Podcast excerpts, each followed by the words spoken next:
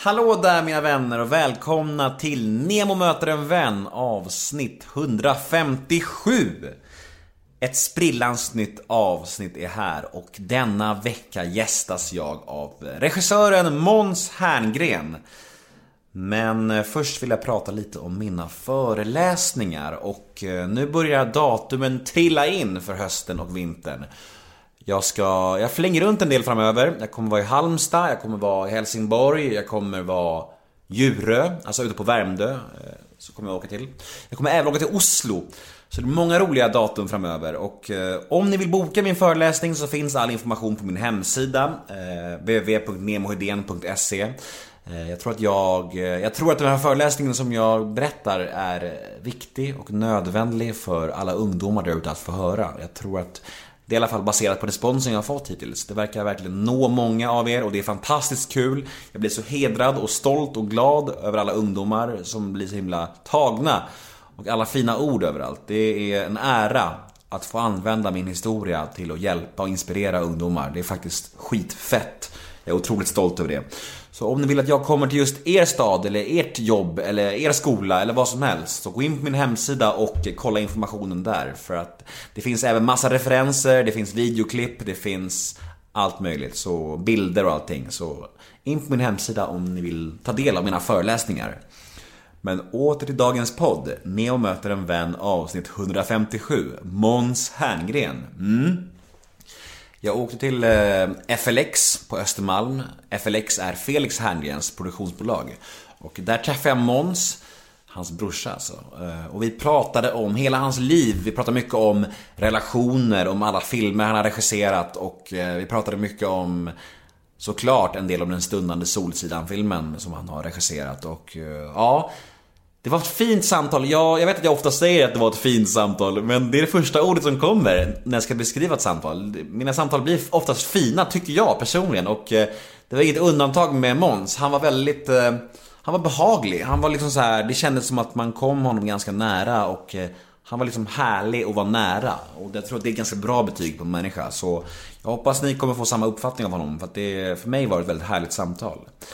Jag heter Nemo Hedén på Twitter och Instagram och det finns även en Instagram-sida för min podcast nu som heter Nemo Motor. Om ni bara vill följa podden och inte vill följa mitt privatliv så följ Nemo Motor. Annars om ni vill ta del av bebisbilder och föreläsningar och allt vad det nu är så finns jag på Nemo Hedén som vanligt. In och gilla oss på Facebook gärna. Nemo möter en vän heter vi där och uh, ja, min hashtag är NEMOMÖTER. Har ni några frågor eller önskemål gällande podden eller vad som helst? Gällande mina föreläsningar eller kanske ni bara är nyfikna på någonting? Hur det går med min bok eller vad som helst?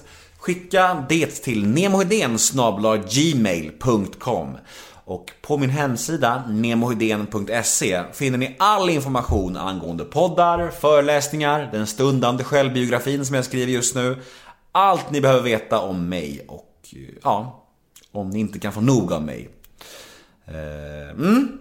Det var nog allt tror jag. Nej, podden presenteras precis som vanligt av Radio Play och klipps av den eminenta Daniel Eggmannen Ekberg.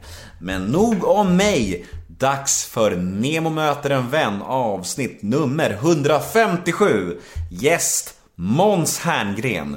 Rulla gingen. Nemo är en kändis, den största som vi har. Nu ska han snacka med en kändis och göra honom glad. Yeah, det är Nemo fullkomligt är en osar kändis, kändis. den största som vi har. Nu ska han snacka med en kändis och göra honom glad. Hej! Hej. Hej Måns Herngren. Hej. Hur är läget? Ja, men det är bra. Jag är lite eh, förkyld. Jag, jag hoppas att, ehm, att jag låter okej. jag, jag låter nog sjukare än vad jag eh, är. Jag känner mig inte så sjuk. Nej. Jag hoppas att jag inte kommer smitta ner dig. Nej, det, det, det är okej. Jag har faktiskt en sex månaders dotter hemma så det känns som att vi är konstant småsjuka ändå. Som Ah, det är. okej. Det är väldigt så här, det är, och ingen sömn. Man är konstant. Ja, vä- vänta tills eh, bebisen börjar förskolan kan jag säga. Då kommer det vara...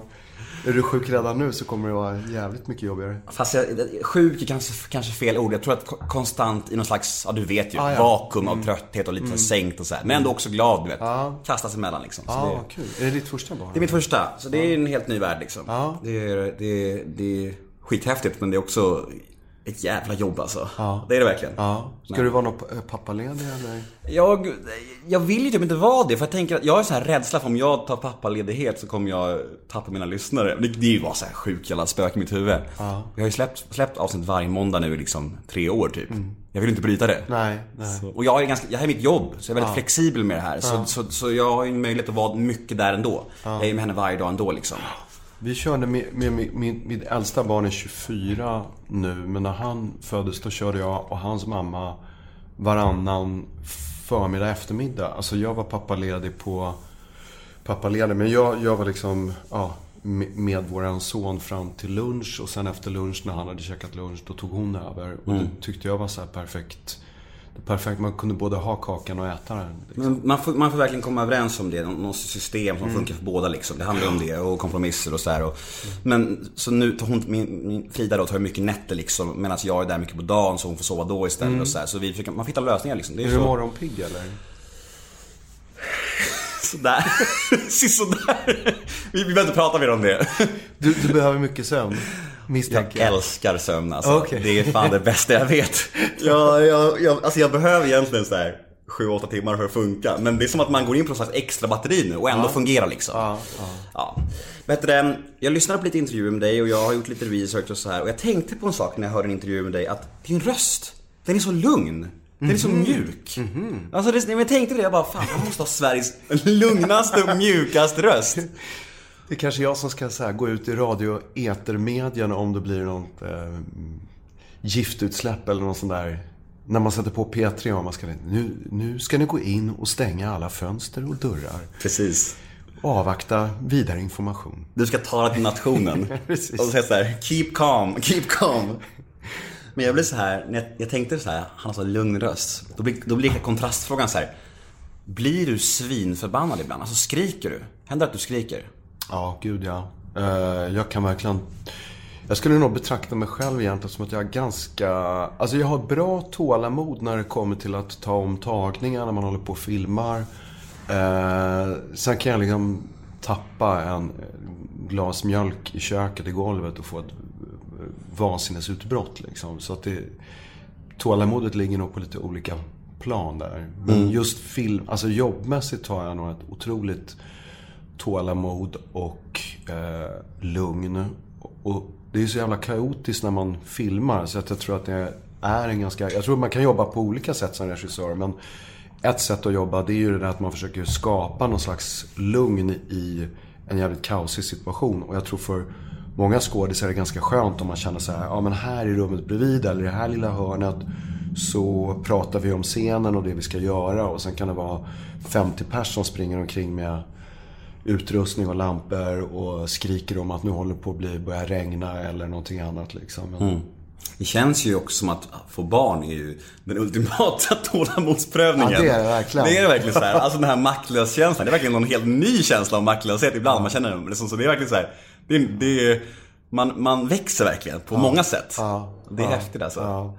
Vart sitter vi nu? Ska vi berätta det för våra lyssnare Ja, det kanske? kan vi göra. Vi sitter på FLX kontor. FLX är det produktionsbolag som jag har jobbat med väldigt mycket de senaste 5-6 åren. Som Felix, min bror, startade för herrans massa år sedan. Men just för 5-6 år sedan så började han och Pontus Edgren från Jarowski då, som han gjorde Solsidan ihop med, och Niklas Karlsson, en annan manusförfattare och kreatör. De startade liksom upp FLX 2.0 kan man säga.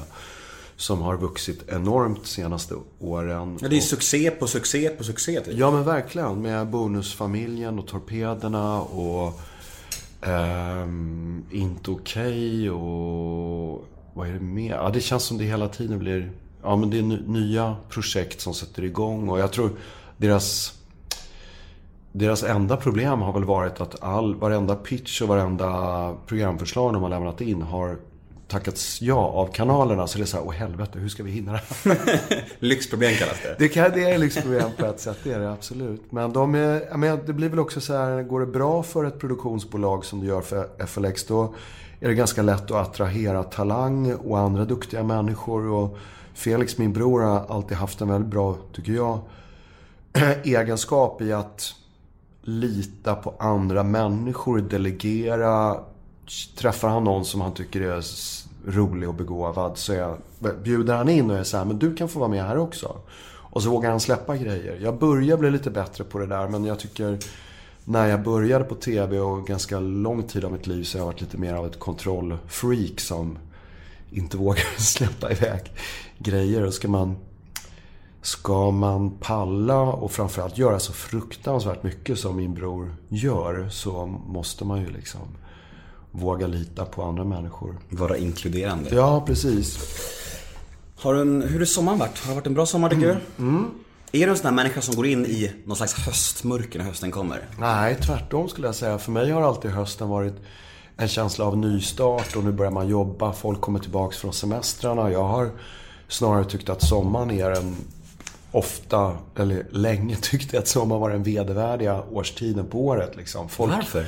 Ja, men folk är lediga och försvinner iväg och det liksom, allting bara stannar upp. Och man eh, I alla fall i min, i min början av min yrkeskarriär liksom, så kändes det bara som att Stockholm tömdes på folk. Och det var så här dammigt och torrt och varmt och bara en pausknapp som var intryckt i sex veckor. Liksom.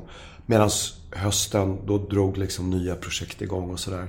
Sen jag fick barn så är det klart att man ser lite annorlunda på det. Att det är just det där som alla andra uppskattar med att man kan sticka iväg på semester och sådana grejer.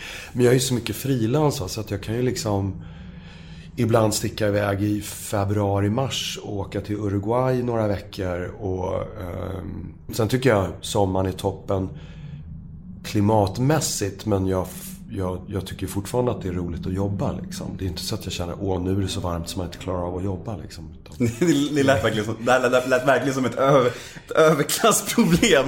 Så här, alltså sommaren, äh, nej, jag tycker inte om det. Jag har möjlighet att åka på semester lite när jag vill, så det är inte så stor grej för mig i sommaren. Nej, precis.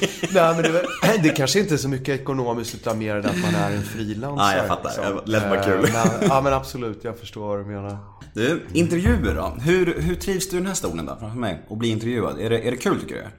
Ja, men jag tycker nog att det har blivit lättare och lättare med åren. Jag var nog mer ängslig när jag var yngre. Och sen tycker jag, om man gör den här sortens intervjuer så det jag säger är ju det jag säger. Liksom. Det är, skrivna intervjuer kan jag tycka är lite knepigare ibland. Av att man känner, men gud, satt vi i samma rum när vi pratade med varandra? Och man kan känna efterhand så här, jaha, var det det som var vinkeln på det liksom? Och speciellt det här med poddar blir ju ännu mer att man ja, får bre ut sig. Eller det får ju ta den tid det tar liksom. Och sen om någon orkar lyssna så är det ju inte så mycket jag har att skämmas över sådär. Liksom. Nej, men jag, jag tycker det är någonstans därför jag gillar podd podd väldigt mycket. För att det, alltså, gästerna får verkligen chans att prata till punkt. Och det de säger är det de har sagt.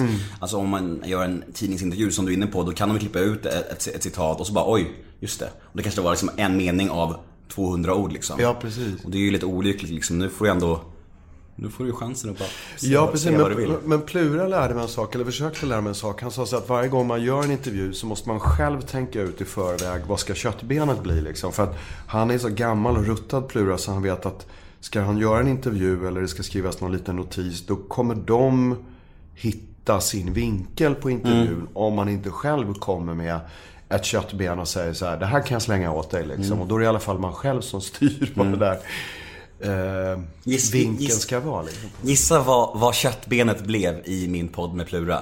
Vilken, vilken grej som tidningen nappar på. Som han slängde till dig då eller? Nej men det, alltså, nu kanske jag använder köttbenet fel. Men, men gissa vilken grej jag sa i min Plura-intervju som tidningarna var heta, Nej, det heta miss, på. det har jag missat faktiskt. Att han rökte fyra paket cigaretter om dagen. Då skulle, jag nog Det är säga att han, alltså. då skulle jag nog säga att han ljuger för det är nog snarare 5-6 paket om dagen. Fy fan alltså. Det är så jävla sjukt. Jag finner inte ord för det alltså. Men fan vad härlig han var. Han var ju riktigt nice alltså. Riktigt härlig. Verkligen. Men vi ska ändå spola tillbaka bandet lite tycker jag. Till början, från början. Eh, din barndom har jag förstått är ändå ganska lycklig. Eh, men om man ser på det så här helhet, hur minns du din barndom? Liksom?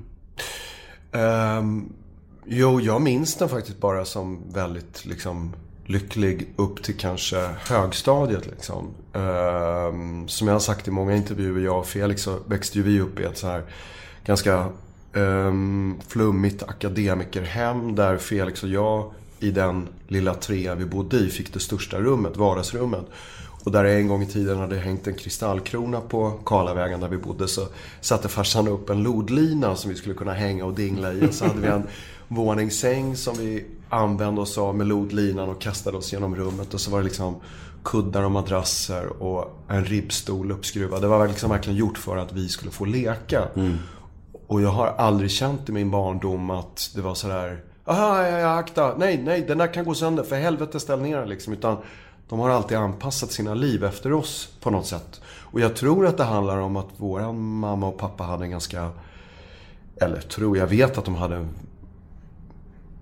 rena motsatsen när de var små på, på 50-talet och 40-talet. Där liksom våran pappa blev uppklädd i sjömanskostym och skulle, man, man skulle vara som en liten vuxen. Liksom. Och det där, ganska typiskt 60-tal, 70-tal, vände de sig ifrån totalt. Liksom. Sen tycker jag väl när jag började högstadiet att det blev liksom Sen vet man inte hur mycket har det där att göra med liksom hormoner och pubertet och... Jättesvårt. Ja, det är jättesvårt att veta liksom Det vad är så jäkla mycket som kommer händer i kroppen där och skallen och allt händer liksom på en gång på något sätt. Sen tror jag att jag hade en storebrors roll som liten redan när jag var liten av att det förväntades av mig när jag var liten att ta ett jävligt stort ansvar över mina yngre syskon och, eh, och att jag i tonåren kände liksom nu pallar inte jag det längre. Nu vill jag flytta hemifrån och ta hand om mig själv. Jag, jag vill inte ta hand om någon annan liksom. Utan ville väldigt tidigt flytta hemifrån liksom. Men vem var du i skolan? Skulle du säga? Jag var, jag var den där killen redan i ettan som ville ha eh, alla rätt på alla prov och högst betyg och pluggade som fan liksom. Så jag ansträngde mig otroligt mycket ända upp till sjuan skulle jag säga. Och sen tror jag inte jag gjorde en läxa på två år. Men jag hade, jag hade liksom så höga betyg i sjuan så att jag tror det var svårt för lärarna att sänka betygen i den takt de egentligen skulle ha gjort till nian. Så jag, jag gick ut med väldigt bra betyg i nian fast jag inte hade gjort, gjorde så många knop de sista åren där. Mm. Hade du det lätt socialt? Ja, nej, jag tycker nog inte... Alltså jag upp, återigen upp till högstadiet. Men i och med att vi växte upp på Östermalm och jag kände också en väldigt stark känsla av att vi inte hörde hemma där. Att vi var annorlunda och gick i demonstrationståg mot Vietnamkriget och mot kärnkraft och annat. Liksom kände bara så här, vi, vi hör inte hemma här. Och det blev ännu tydligare i högstadiet där folk gick i Lacoste-tröjor och Moncler dunjackor. Och det var väldigt viktigt vad föräldrar tjänade och sådär. Liksom. Och så, där, där kände jag verkligen att jag in, inte passade in och att det blev någon slags motreaktion. Att man lät håret växa och bli långt och så började man snacka på det här sättet så folk inte skulle förstå var man kom ifrån. Men sen, sen faktiskt i gymnasiet så kom jag in på Kungsholmens gymnasium och där sket folk fullständigt i vad man hade för bakgrund, vad ens föräldrar jobbade med. Och det var en sån otrolig befrielse att det var liksom varken negativt eller positivt. Ingen brydde sig vad jag hade för bakgrund. Liksom. Kände du att det liksom äh, lossnade kanske är fel ord, men att du liksom hittade nå- någonstans någon slags trygghet i det liksom? Ja, det gjorde jag. Och sen träffade jag min första tjej någonstans sommaren mellan nian och första ring. Och det betydde ju också enormt mycket. Liksom. Vi var ihop i sex år. Så Oj. det var liksom en jättelång relation och det betyder ju också jättemycket för liksom, känslan av sådär, kommer någon någonsin vilja pussa en liksom. Till att man säger, ja det finns en person i alla fall. Så. Precis. Men, men den här, den här Måns, i den åldern, vad drömde han om? film, TV. Jag började som barnskådis när jag var 10 år och jag och Felix gick på vår teater. Och jag gjorde min första TV-filmroll när jag var 10 år och tyckte det var skitkul och gjorde radioteater sen upp till målbrottet någonstans i mellan sjuan och åttan. liksom. Sen tog det slut med roller, sen ringde de inte från radion längre. Men, och efter det tror jag då, efter sjuan, att jag var väldigt mycket inne på kanske bli scenograf. Jag tyckte det var jävligt roligt med bild och gick på konst i högstadiet istället för språk som de flesta gjorde. Och kom i kontakt med Staffan Hildebrand. Det här var liksom innan han gjorde filmen G 1980 och då gjorde han någon film om punkdråpet vilket var en fruktansvärd händelse i Gamla stan på tunnelbanestationen. En kille i min parallellklass var inblandad i ett knivdråp med några andra killar utifrån stan. Och Staffan Hildebrand gjorde en dramadokumentär om det där. Och, och, och jag kom med på något hörn och började hänga på Slussen där han hade sitt produktionsbolag. Och satt i klipprummet med hans klippare och, och blev kanske ännu mer intresserad av att vara på baksidan av kameran och se vad man kunde göra där liksom. Mm. Men när, när, när kände du, har du något ögonblick under de här åren när du kände att fan, jag är rätt bra på det här. Jag, jag kan det här, jag har någon fallenhet för det här. Jag kanske kommer kunna försörja mig på det här liksom. Ja, mm, inte när det kom till skådespeleriet där när jag var barn. Men jag gjorde någon... Jag träffade någon tjej i Gamla stan när jag var 16 och hon Anna, som hon hette, var 14. Så sa hon att hon skulle göra en ungdoms-tv-serie. Och tyckte så här, du, jag tror du skulle passa i det här. Får jag ta med mig dig upp till tv? Ja, ja visst, så jag. Så jag hängde med henne dit och kom med i redaktionen och fick göra intervjuer med Olof Palme och lite olika människor och sådär. Ehm, och delade vidare sen till att jag gjorde en till ungdomsserie. Och då var det ju fortfarande sådär att man kände att... eh, Jag kände inte så här, mig tvärsäker på att det här kommer jag kunna leva på. Men det var så jävla roligt. Det var ju som kontrast mot skolan. Så jag tog ett sabbatsår i andra ring. Jag träffade Hannes Holm som jag kommer att jobba med i många, många år och Helena Bergström och Tintin Andersson. Vi gjorde någon ungdomsserie tillsammans liksom. Och sen fortsatte jag och Hannes. Och Jag tror någonstans i mitten på 80-talet när jag var runt 20 liksom och fick sommarprata och var väl kanske en av de yngsta som någonsin har fått göra det. Och vann något TV Expressen delar ut något TV-pris varje år som jag vann där i mitten på 80-talet. Liksom. Där kände jag nog så här... Ja men fem år till borde jag ju kunna hålla på med det här. Hanka mig fram. Ja, men jag kände nog framförallt, jag kände inte så stor oro över hur ska det gå? Ska jag kunna livnära mig på det här? Utan det, jag känner nog väldigt stark, jag har inget val. Det här är det jag vill hålla på med. Sen om det inte funkar, ja men då får jag väl fortsätta plugga och studera, vad vet jag. Liksom. Jag hade rätt mycket bråk med mina föräldrar som är akademiker. För de kände ju bara så här, ska du hoppa av skolan? Ska du inte ens ta studenten liksom? Och jag var så här helt... Jag, jag fattade ingenting. Det var så här, men jag kan ju gå komvux om det här inte funkar. Liksom. Vad, vad, vad är problemet? Men jag tror... De är födda på 30-40-talet, mina föräldrar. Och min farfar och farmor och de är ju föd, var ju födda på 10-talet. Och tittar man tillbaks på vad mina föräldrar hade vuxit upp med och deras föräldrar. På den tiden var det ju verkligen så här, skillnaden mellan att ha jobb och vara arbetslös. Det var tak över huvudet eller ligga ute i rännstenen. Så hårt var det i början på 1900-talet. Så att jag har ju mer vuxit upp med det här att, fan, det är väl bara att ringa 90 000 så kan en ambulans komma och hämta en om man är på väg att dö. Men så, jag fattar. så var det ju inte liksom. Så, men jag tror att det är väl min generations stora eh, trygghet. Att man har känt det är viktigare att hitta någonting man tycker är kul att jobba med. Än kanske att oroa sig över att man ska svälta. Liksom. Det känns som att det är många jag intervjuar som har det gemensamt att de kommer från familjen där när man säger att jag ska vara skådespelare eller regissör, det är liksom det är inga riktiga yrken för den äldre generationen. De bara, jaha, vadå? Det låter som en hobby. Liksom, det låter liksom såhär, skaffa ett riktigt jobb, bli polis eller så här. Precis. Samtidigt hade ju våra föräldrar liksom släpat med oss på teater, på bio, på, på eh, museer. De gav oss böcker. Jag fick en kamera av min pappa när jag var tio år och han lärde mig hur jag skulle framkalla filmen och förstora och kopiera för min pappa hade foto som hobby. Men så att någonstans på grund av allt, allt det de introducerade oss för och visade oss har ju såklart gjort att vi har blivit jävligt nyfikna på teater och film och, och böcker. Våran syster har liksom skrivit åtta romaner och är skitduktig på att skriva så att det är lite så här, skyll er själva Ja, om ni, om ni gläntar på den dörren liksom. De kan inte gnälla. De som har skapat er, vad fan. Precis. Men samtidigt är det ju klart att det också känns skönt att de inte själva är författare och, och regissörer och skådespelare, våra föräldrar. För då hade man ju verkligen varit så här, hmm, valde vi det här själva eller fanns det en förväntan från våra föräldrar att vi skulle syssla med det här liksom? Jag menar Helena Bergström som jag började jobba med på TV. Hennes mamma var skådis och hennes pappa var regissör. Hon fick höra i tio år att det är lätt när man heter Bergström i efternamn att få in en fot på Dramaten och liksom bla bla bla.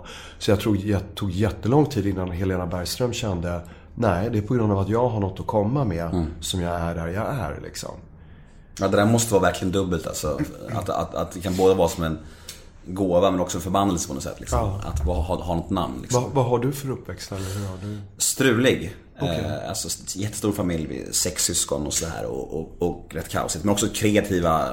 Pappa spelade musik med Stefan Sundström och Apache och sen Weeping Willows. Aha, okej. Så det var rörigt. Men jag har också... Men då har du fått se liksom, ah, det finns någonting andra. Precis. Ja, ja, verkligen. Alltid haft, alltid haft behov och mycket energi. Vill skapa, uttrycka mig, vill synas, höras. Så det här är jätteskönt att få uttrycka mig här. För det, jag tycker att det är fantastiskt att få träffa också lika, likasinnade som också skapar. För jag tycker det är väldigt kul att skriva och prata och så här. Jag tycker, tycker det är roligt.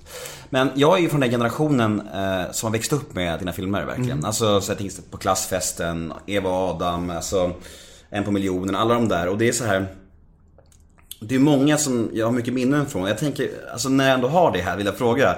Vet det, kan du ranka dina filmer? Kan, kan man göra det som, som regissör? Alltså går det själv att tänka så här, de där, den där var jävligt bra och den där var lite lågvattenmärke? Eller är det som sina barn? Eller hur, hur tänker man kring det där? Jag kan nog mer tänka så här, vilka inspelningar var roliga och vilka inspelningar var mer jobbigt och ångestfyllt än roligt liksom. Och där är väl på ett sätt konstigt att Adam och Eva till exempel var den kanske jobbigaste och mest ångestfyllda. Och En på miljonen i och för sig som var vår första. Men jag skulle nog säga att Adam och Eva var ännu mer ansträngande och, och, och liksom ångestfylld inspelning på något sätt liksom. Varför ångestfylld? Ja, alltså på den tiden. Det var vår andra film och allting handlade så jävla mycket om att, att inte spräcka budgeten och inte gå över tid och inte ha övertid på inspelningsplats och sådana där grejer. Sen när, sen när vi blev lite äldre så var det plötsligt någon i, i teamet som sa så här, men vad fan, har, har, har ni blivit tillsagda att ni inte får ha övertid liksom? Och vi bara säger men det får man väl inte ha. Och så var det någon elektriker eller någon som förklarade att jo men det kan man visst ha. Och då får teamet liksom kompensation för det. Men det är ju ingen i teamet som blir förbannad om vi drar över en timme eller två någon dag här och där liksom. Vi hade jobbat på SVT i tio år och var jättevana vid det där att det är förmiddagsfika, det är eftermiddagsfika. Efter halv fem då bara plockar teamet ner lamporna och går liksom. Oavsett om man är klar eller Mm, jag fattar. så efter det så tycker jag liksom klassfesten och då blir aldrig som man tänkt sig. Och, alltså alla filmer efter Adam och Eva blev mycket mer så här lugnare i att man visste att ja, men man, man kan jobba över tid och det är inte hela världen liksom. Men hur delade du och Hannes upp jobbet då? Var det så här att ni hade, båda gjorde allt eller var det, delade ni upp det?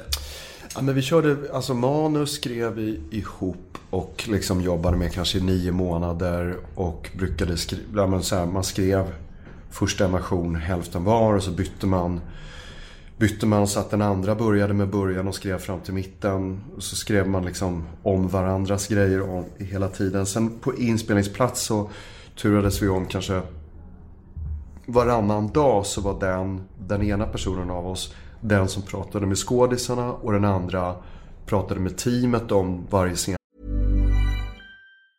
Hej, jag Ryan Reynolds. Recently, I asked Mint Mobile's legal team if big wireless companies are allowed to raise prices due to inflation. They said yes. And then when I asked if raising prices technically violates those onerous two year contracts, they said, What the f are you talking about, you insane Hollywood ass?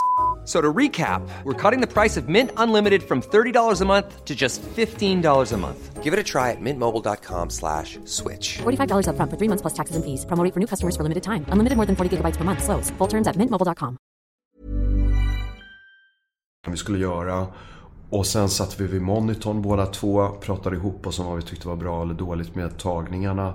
Och sen nästa dag gjorde vi tvärtom. Liksom. Och vi blev ju ganska effektiva på det sättet att fotografen och teamet behöver inte stå och vänta på att man repeterar med skådisarna och vice versa. Liksom. Så det, det funkade väldigt bra. Jag, ibland kändes det väl också lite grann sådär som att man var som två cyklister liksom så här eh, Tour de France att man, man, man kunde ligga bakom den andra och trampa på i exakt samma hastighet. Men det är skönt att bara ligga på rygg på den andra. Och sen när man känner att den framför en börjar bli lite trött, då kunde man cykla upp och lägga sig före och dra.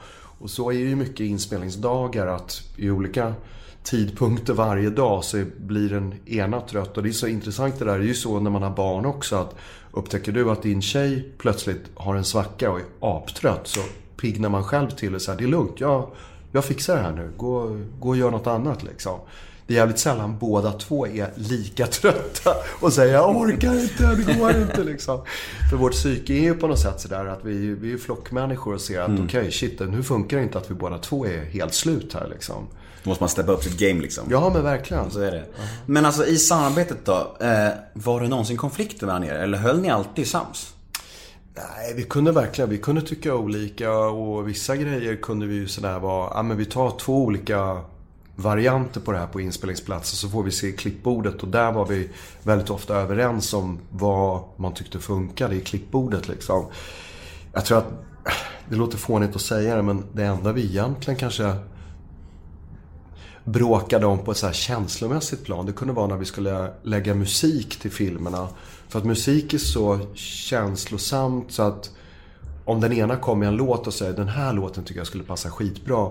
Om den andra då bara garvar och är så här, den jävla låten, hur kan du tycka Betyder den något för dig? Du vet, det blir så här, och då känner man sig ganska så här, ja, jag tycker det är en jättefin låt det här faktiskt. Ja, jag fattar. Och där, det var så konstigt hur just musiken kunde bli så personlig och kändes liksom sådär...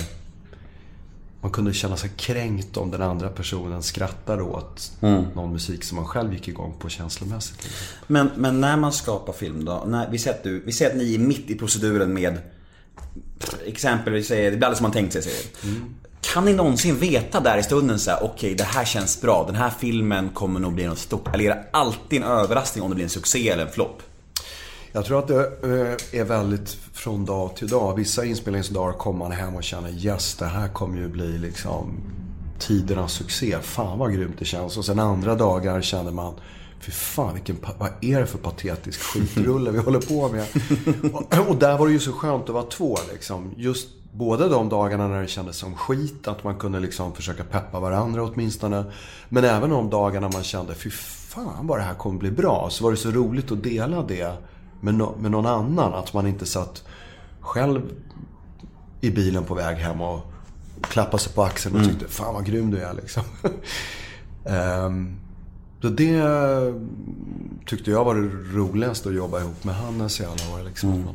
Och sen en fråga om att regissera då. Alltså det här vi tänker, vi tar Björn Kjellman som exempel. Mm. Om ni gör en scen ihop och, och, han anser så här, fan den här satt verkligen och du säger så här, fan ta om den. Mm. Eller vice versa. Mm. Du kanske säger, den här satt och han bara, det här känns inte alls bra. Mm. Kan det uppstå en konflikt då mellan regissör och skådespelare för att ni är så oense om den satt eller inte? Jo men så var det på vår första och andra långfilm till exempel. Att vi kände oss så pressade just tidsmässigt och ekonomiskt. Så att om jag ville ta om en tagning till och Hannes kände, ja men den där scenen satt ju var ju skitbra. Den här tagningen var ju grym liksom. Då kunde det bli konflikt där vi kände liksom att Fan, kan du inte bara släppa det där eh, och så går vi vidare och tar nästa scen liksom. Men efter andra långfilmen så kom vi överens om det att, nej men ska det funka att jobba ihop då måste man alltid, om den andra personen känner, jag vill gärna ta en tagning till, så måste man hålla käften och bara säga, mm. ja men fan gör det. För det kanske också i slutändan visar sig vara rätt liksom. Att det var ytterligare någonting som kunde bli ännu bättre liksom. Mm. Och det där var vi ju liksom, det kunde ju verkligen vara olika. Det var ju inte så att det alltid var jag eller alltid var han som ville ta en tagning till. Utan det, det, det, det, där ville vi nog båda två ibland ta en variant eller göra någonting annorlunda eller sådär. Men det var ju regissörerna. Skådisarna då? Skådisar vill alltid ta om. Är det alltså, så? Ja, ja. Skådisar älskar att filma och jag skulle nog säga, ja men fram såklart till en viss nivå. Sen om en skådis känner, nu har jag gjort exakt samma sak 15 gånger. Vad fan vill du människa att jag ska mm. göra? Så länge man vill göra någonting annorlunda och testa något annorlunda, då tror jag skådisar tycker det är kul. Men om man bara är en idiot som säger en gång till, en gång till och inte kan förklara varför. Då tappar ju skådisar förtroendet och undrar vad håller han på med liksom? Vad vill människan? Ehm, eller som Gösta Ekman sa någon gång också. För han var så här, olika skådisar olika bra liksom. Jag tyckte Gösta var en sån här skådis som ofta var bra i de första tre, första tre tagningarna var han oftast som bäst i liksom. Och sen började han tycka att det blev tråkigare och kanske inte så kändes lika spännande och fräscht att ta om det liksom. Så vid något tillfälle sa han, Åh, vet ni vad, nu känns det som att jag står och tuggar på min egen spya här. Och det var så en bra liknelse liksom vid att, Ja, faktiskt. fan, jag, nu har jag gjort det för många gånger. Jag bara, bah, nej, nu har jag dålig smak i munnen här på min spya som jag ska ha upp gång på gång. Men vem, det här kanske inte du kan svara på, men jag vill ändå fråga. Vem är den jobbigaste skådisen du har jobbat med? Det vill jag inte svara på, nej. Vem? alltså, vi kanske ska ta det med mig efter inspelningen kanske? Kanske det. Nej, jag tycker det känns lite privat. Det är lite grann som att säga vilket var ditt tråkigaste ligg liksom. Det, Ja, ja, det var nästa fråga. Ja, okej. Nej, såklart inte. Eh, du, kör, du, är ju nästan, du, är, ju- du är ju bakom kameran alltid nu och, liksom, och du har tidigare varit en del skådespeleri. Kan du någon, någon gång sakna skådespelet? Ja, men jag tycker jag får förfrågningar lite då och då och är det någonting som jag känner så här, ja men det här tycker jag känns spännande, då, då tycker jag att det är roligt. Jag filmade med Johan Renck för, vad kan det vara, fyra år sedan, fyra, fem år sedan på en TV-grej han gjorde i Göteborg som hette Ettor och nollor. Som var någon thriller, drama, grej i tre entimmesavsnitt. Och där kände jag, jag tycker Johan Renck är så duktig liksom regissör och beundrar mycket av det han har gjort. Och kände så här, fan det är ju ett gyllene tillfälle för mig som regissör att se hur han jobbar som regissör. Om jag ställer mig framför kameran liksom. Därför att som, som skådis så får du ju se hur många andra regissörer jobbar, hur andra skådisar jobbar. Men som regissör är man ganska ensam i att jag har ingen aning om hur andra regissörer jobbar. Så det var, det var väldigt kul att se Johan och, och hur han jobbade. Sen redan första inspelningsdagen kände jag jag stod och frös i någon jävla tunn kostym, kostym nere i Göteborg på hösten. Och skakade tänder och kände fuck vad jag har tackat ja till. Det var ju precis det här som fick mig att sluta vara skådis. Men du har inte, du har inte stängt dörren helt till framtida skådisgrejer? Nej, det är ju mer att det känns som en liksom lyxig situation att jag är inte beroende av att liksom tacka ja varenda gång någon ringer och frågar utan snarare tvärtom. Bara eh, behöver fundera på om jag har lust att göra om det är någonting som känns väldigt kul att göra. Lika lyxigt som att resa till Uruguay i matchen för. Exakt, jävla överklass. Jävla överklassprogram. Men okej, men det här med att bli bedömd då? Alltså du har ett yrke där ständigt kommer bedömas och jag tänker på kritiker och så här. När du får en recension på en film eller vad som helst, eller när någon tycker någonting. Alltså, går det in i dig då eller rinner det bara av dig? Det är klart att man blir, man blir väl liksom alltid ledsen på ett sätt. Samtidigt som jag, om jag jämför med hur det var när jag började och hur jävla förkrossad man blev då med nu så är det ju jättestor skillnad liksom. Vi gjorde en serie som heter Smash. Jag vet inte hur gammal du är. Jag är 30. Du vet, när, när, du, jaha, okej. Född 87. Precis. Jag Tre år, när du var tre år så, så gick det en serie på TV som, som när den kom sågades i alla tidningar över hela landet. Jag och Hannes åkte ner på Centralen och stod och bläddrade i tidningar från liksom andra städer för att se om finns det någon Göteborgs-Posten eller någon jävla tidning som inte har sågat. Men liksom, över hela linjen, alla skrev liksom smash i nät, dubbelfel av Herngren och Holm och det var bara så här det sämsta recensenterna hade sett i sitt liv. Men sen efter kanske ett par månader så började vi förstå att det fanns en ung publik som älskade Smash och tyckte det var det roligaste de hade sett. Och då någonstans tror jag att jag förstod att recensioner behöver inte vara sanna. Det behöver inte vara sant det som... Om både publiken tycker att det är skitdåligt och recensenterna tycker nej. det. Då kanske man ska fundera på vad man har gjort liksom. Men det där blev nästan som lite en vaccination för att jag... Då kände jag när det gick 1990 och man var 25 bast och tyckte, vi tyckte själva att vi hade gjort något banbrytande och bra liksom. Men då, då, kom, då, blev, då hamnade jag liksom i ett läge där jag kände, fan jag, jag, jag bad min fru att gå och handla. Liksom, för jag tyckte det var jobbigt att gå till mataffären och att folk skulle titta på mig i mataffären och tänka, där går den där jävla misslyckade killen. Är det sant? Ja, verkligen. Mörkt alltså? Ja.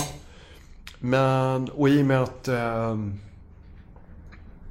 i och med att jag hade varit med om det så kände jag lite grann att man får ta både positiva recensioner och negativa med en liten nypa salt. Liksom. Det är också så lätt om man får en positiv recension att man tänker Gud vilket jävla geni jag är liksom. Och gud vad bra det här är. Men man måste ju faktiskt... Jag, jag försöker hålla det lite grann på en handarms avstånd liksom. Men, men låter man sig, kan man låta sig formas av en recension? Jag tänker om det står så här, ja men det där var inte så bra. Att du nästa gång bara säger, ja det där måste ju annorlunda. Eller är det verkligen bara så här, ja men det är en människa?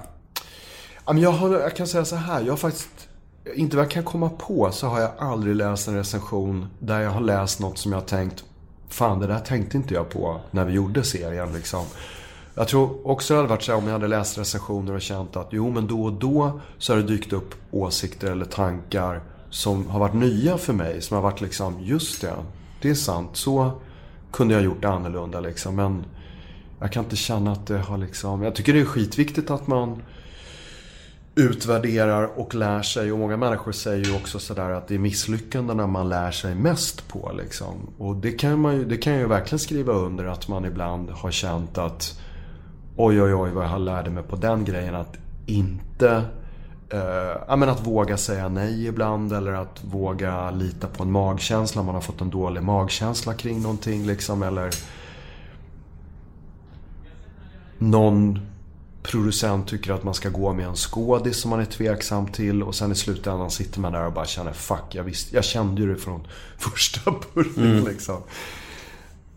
Alltså grejen var att när jag googlade ditt namn och gjorde lite research innan. Då, var, då på, på din Wikipedia-sida så stod det så här betydande, det finns sånt här flik betydande projekt, till höger där. Då tror jag att det stod så här. Eva Adam och Smash. Och då tänker jag så här, jag hade, jag hade inte ens hört talas om Smash, det är det. Och jag ser mig själv som en väldigt stor filmälskare och tv-serier så här, Och jag hade ingen koll på Smash alls. Men det måste ha varit precis före min tid då. Det var det, absolut. Och sen, och sen tror jag de grejer som gjordes efter det, alltså typ eh, Killing i manegen och alla de grejerna, de gavs ut på VHS och DVD och sådana grejer. Vi mixade in massa musik. På, på TV kan man ju bara stimma. Du kan ju använda Beatles eller Jimi Hendrix och så bara stimmar du på SVT. Men det gör att du inte kan hyra ut och sälja på DVD. Och när vi då gjorde Smash fanns det ingen DVD-marknad. Så vi, vi, vi hade med jättekänd musik hej vilt liksom. Så att Smash kom aldrig ut på, på, på DVD eller VHS. Och... Men kan man se det någonstans idag? Ja, men jag tror att folk har... Det, det, det gavs ut, det var någon som mixade om... eh, Det var något filmbolag som liksom köpte loss Smash från SVT för 6-7 år sedan. Mixade in annan musik med vårt godkännande och släppte det på DVD. Och därifrån tror jag folk har laddat upp det på YouTube och på andra ställen. Så det, det går säkert att se. Sen vet inte jag om det är kul att se det idag. För humor är tyvärr en sån här färskvara som är kul när det görs på något sätt. Så är det. Alltså det är verkligen, viss humor är ju inte tidlös. Så är det ju. Nej. Men viss humor är ju tidlös. Det, det beror helt på. fast inte så jävla mycket höll jag på att säga. Är det verkligen det? Ja, men viss. Jo, men det, jag är ju ett stort Woody Allen-fan och jag kan ju se hans filmer fortfarande och tycka Mm. att det är bland det mest briljanta som har gjort. Men även om du tittar på Hasse och Tage så är det ju så här. Ja, vissa av deras grejer är ju fortfarande svinroliga. Men lyssnar du igenom en hel box med Linde, Lindeman så tror jag att det är förvånansvärt många som man är lite så här. Varför skrattar de så hysteriskt åt det här liksom? Skrattar de för att det är kul eller för att det är han? Och att man ska skratta? Ja, eller att det är någonting som man, som man känner så här, just mycket tycker jag när man gör också om någonting slår Adam och Eva till exempel. Jag är inte säker på att Adam och Eva hade blivit lika stor om den hade kommit fem år tidigare eller fem år senare. Förstår du vad jag menar? Att det är ofta väldigt mycket liksom att det kommer rätt i tiden. På samma sätt som jag tror Solsidan kom rätt i tiden när det kom för sju, sex, sju år sedan. Liksom. Men sånt där tycker jag kan vara så deppigt. Jag minns en, en svensk film som heter Tic Tac. Som jag älskade när den kom. Det, det var väl typ 25 år sedan, eller 20 år sedan någonting. Och, den, och jag minns att, eller jag såg den när jag var liten, jag såg, och jag minns att den var liksom så här fantastisk. Eller jag var, när jag var ungdom tror jag. Och då, då frågade jag mina lyssnare efter den, för jag hittade den inte någonstans. Och fick den hemskickad av en lyssnare och jag var jättetacksam för det. Jag bara, nu ska jag se om den här första gången på 15 år liksom. Och den var verkligen så här bedrövligt. Alltså, jag, bara, det höll inte alls. Jag blev så ledsen då för jag hade så skyhöga förväntningar. Det här var en favoritfilm från min ungdom. Det blev så här, varför såg jag om den för? Nu Min minne helt förstört av den. Så kan det också bli liksom. Böcker kan ju vara likadant att man har läst en bok i en viss tid av ens liv och den har betytt jättemycket liksom. Eller man, man träffar någon tjej och eh, är sådär Åh, jag vill visa dig alla mina favoritfilmer och så börjar man slänga i de där DVDerna och så sitter man och tittar och bara Den är lite seg i början, men vä- vä- vänta nu, vänta nu lite så Jag bara. gjorde exakt så med den här, det är sant. Exakt så gjorde jag. Jag ska visa en film för dig. Hon bara, när, när kommer den igång då? När blir det bra? Jag bara, det kommer. Nu är det slut. Ja, fan. Det är väldigt roligt att du drar upp just TikTok för den var nominerad och vann sjukt många Guldbaggar samma år som jag och Hannes gjorde Adam och Eva. Okej, så du hatar den?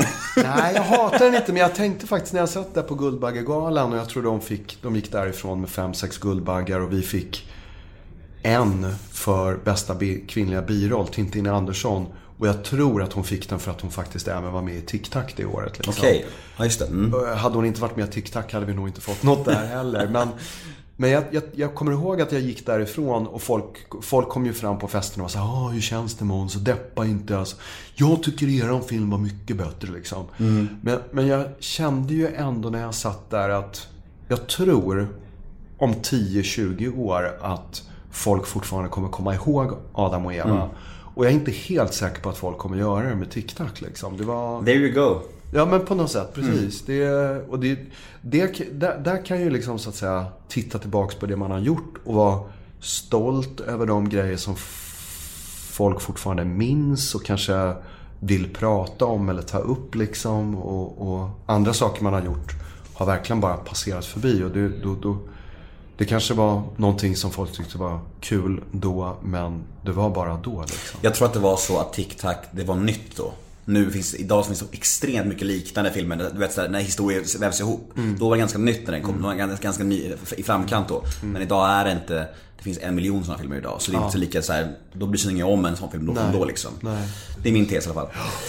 Nu ska vi snacka om Pluras kök. Ja. Eh, för att jag, jag la ju upp din bild på min Instagram och då får jag mycket frågor från folk. Så jag har, mina intervjuer brukar ha blandade frågor från lyssnarna, från mig och sen... Drack, drack, drack, drack ni riktig, riktigt vin eller var det bara... Du, det är klart ni drack riktigt vin. Det tvivlar jag inte en sekund på. Som, som, att Plura skulle druckit vatten. Alltså inte, inte en chans. Men alltså, du var med två år, eller hur?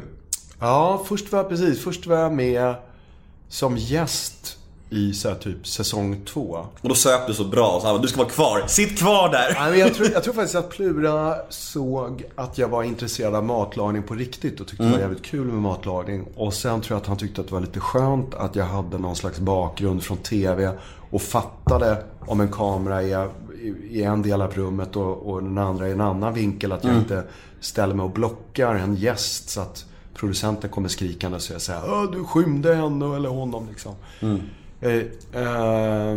så sen för säsong tre så frågade Plura om jag hade lust att vara med som någon slags sidekick liksom. Var det självklart att tacka ja? Jag tyckte det var så jävla roligt med Plura. Jag gillade honom första gången jag träffade Jag hade aldrig träffat honom innan det programmet liksom. Han är ju Men- extremt likable. Ja men verkligen. Och vi hade kul ihop. Det var lätt liksom att bubbla. Och det är väl därför folk tycker det är kul att komma dit som gäst. För att man trivs. Och det, jag tror programmet också blev populärt för att de som tittade på det kände det. Att det var lite grann som att själv vara medbjuden på middag hemma hos Plura liksom. Sen slapp, man, slapp ju tittarna den baksmällan man hade som medverkare då. Var det, alltså, var det så stökigt som ryktena gör gällande? Alltså, Jo, många men- historier har man hört om de Ja, inspelningarna. precis. Nej, men ja, det, det, det var ju väldigt liksom stökigt. Och jag, jag filmade parallellt med Pluras kök så filmade jag säsong tre av Solsidan. Men då la vi upp ett inspelningsschema så att när jag hade filmat med Pluras kök så var jag alltid ledig dagen efter för att slippa stå på, film, på, stå på set med Solsidan. Liksom. En bakis day off kan man säga. Ja men verkligen, precis. Ja, vad schysst. Det är ju lyx om något alltså. Ja. Och sen var det en rolig kombination i det att Solsidan var ju skrivet manus, förberett som fan, genomrepeterat. Man visste exakt i förväg vad man skulle åstadkomma. Pluras kök var ju motsatsen. Vi visste vilka råvaror vi hade, vad vi skulle laga för mat och vilka gäster som kom. Men vad det, om det skulle bli kul eller bra eller dåligt, det hade vi ingen aning om. Noll, är det noll frågor, noll manus i Pluras kök? Alltså inga så här förberedda ämnen eller någonting? Jag höll på att säga, inte vad jag minns, men det är möjligt att det fanns fast jag inte kommer ihåg det. Nej, men det, det fanns säkert, jo men det, det är klart att det fanns i redaktionen folk som hade gjort research på vad gästerna Ja men typ så här, det här är ett samtalsämne, det där är ett samtalsämne som inte har dykt upp i så många intervjuer liksom. Sen om man kommer ihåg det när väl snacket kom igång. Det var väl mer så här, om det bara, bara blir tyst liksom. Så hade man några samtalsämnen att, att liksom plocka upp sådär liksom. Jag förstår att du inte kan svara på vem som är den jobbigaste skådisen att jobba med. Men du måste kunna svara på vem som blivit fullast i Pluras kök. Det är för det är inget skitsnack. Det är bara kul. Vem som blev fulla? Jag tror att no, jag har hört något rykte om att någon gång bar ni någon i en taxi hem som var så full. Ja, Jag minns väl att Patrik Arve från Teddy Bears sa när han kom till, till det programmet han var med i att han hade lovat sin fru att inte dricka alkohol. Han skulle vara nykter. Och, och han var nog en av de fullaste när han gick därifrån. Varningsklockor alltså. Ja, precis. Nej, Börja, börja med löftet, det är bra. Precis. Nej, Det är väl inte det att man känner liksom sådär att ska man vara med i Pluras kök så kan man inte stå och dricka vatten. Men eh, det blir lite så här konstigt att vara med i Pluras kök om man i normala fall liksom, dricker alkohol. Jag har verkligen full respekt för alla som är har valt att avstå alkohol och folk som inte vill dricka alkohol. Men att, att komma till Pluras kök och säga nej men jag, just idag vill jag inte dricka alkohol för jag vill inte liksom, säga saker jag får ångra. Då tror jag nog mer att man försökte förklara för gästerna, för, för den dealen hade vi ändå liksom att du får i efterhand alltid eh, ta bort saker om du inte... Ja, men om du säger något som du känner i efterhand, ja, men det där ångrar jag. Då får man alltid vara med och, och klippa bort det liksom. Ungefär som min podd då. Alltså är det så här där Ja, också? gud, ja. ja. Men och för, det, för det gjorde nog också ändå att folk kände att de vågade glömma bort kamerorna. Annars, jag hatar direktsändning just av den anledningen att Ja, men man kanske råkar säga något som man känner efteråt. Nej men det där fan, det där var dumt liksom. Varför skulle jag... Och istället för att sitta och vakta sin tunga och hela tiden överväga hur ska jag svara på den här frågan liksom. Däremot kan jag säga att den som jag tyckte var absolut jobbigaste gästen i Pluras kök var Sylvia Vrethammar som var med i Pluras kök i Spanien. Hon var ju helt hopplös. Varför? På vilket sätt? Ja, men hon hade någon slags så här när hon kom med en eh, påklistrad eh, TV-shows smile. Alltså hon var inte sig själv. Nej. Och då tänkte man ändå sådär att, "Ah, ja men okej, hon ska ändå vara här i två, tre dagar, sova över två nätter. Man är inte intresserad av människor som spelar en roll, utan man vill ju att människor ska vara sig själva. Liksom. Men när hon liksom, nej fan, hon klamrade sig fast vid det där eh, onaturliga som hon spelade upp liksom. Då, då, då kände jag bara, det här var en jobbigaste. Jag försökte väl provocera henne lite grann i programmet också genom att Jag visste ju att hon hade varit någon slags studiovärdinna i Hylands hörna och jag hade hört jävligt mycket historia om Lennart Hyland och speciellt i de tider vi lever i nu med hashtag metoo och Weinstein och allting så ville jag på något sätt ändå, jag ville nog hänga ut Hyland för jag, ty- jag tyckte att han var, som, han var sån, sånt helgon och har varit sånt helgon. Och sen har jag ändå efter alla år som jag jobbade på TV hört såna jävla sinnessjuka historier om honom. Och hur vidrig han var. Speciellt mot de kvinnor han jobbade med i på Hylands hörna. Och då kände jag bara så här, jag skulle verkligen, och det var ändå ett genuint intresse liksom. Hur du som jobbade med Hyland, hur var han liksom? Stämmer den här historien att han kallade in någon eh, skripta till exempel i kostymförrådet när han stod och provade provade kläder och höll upp två slipsar och frågade tycker du jag ska ha den här slipsen eller den här slipsen men var helt naken ner till för att han ville visa upp hur stor kuk han hade liksom. Stämmer den historien? Och Sylvia Vrethammar blev ju liksom bara sådär, tittade på mig. Och tyckte jag var ju såklart då en idiot som tog upp det här på, på i en, en är, är TV-kamera. den här frågan med i programmet? Jag kommer inte ihåg om den är med i programmet faktiskt.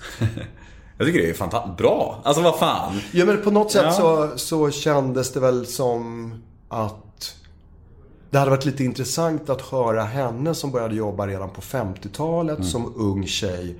Hur var det på den tiden? Vad kom folk undan med? Det är klart att det finns folk som kommer undan med saker idag också. Men jag tror att det var mycket värre på 50, 60 och 70-talet liksom.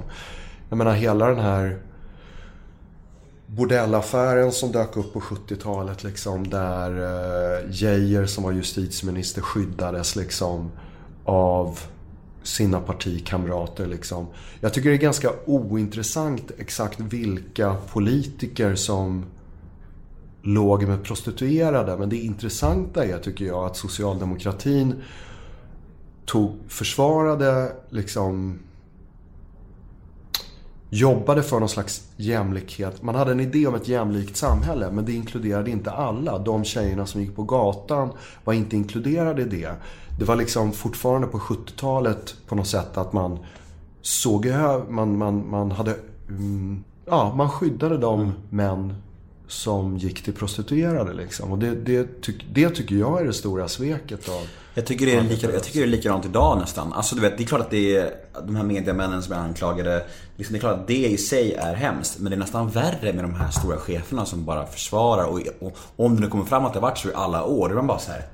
Vad är det som händer? Hur kan det gå till? Alltså, det måste vara så hopplöst att vara en sån här tjej tänker jag. Alltså hur står det maktlöst bara, ingen tror på mig. Vad ska jag göra liksom? Det är så jävla, det är så, så man bara, bara ryser för det är så jävla mörkt liksom.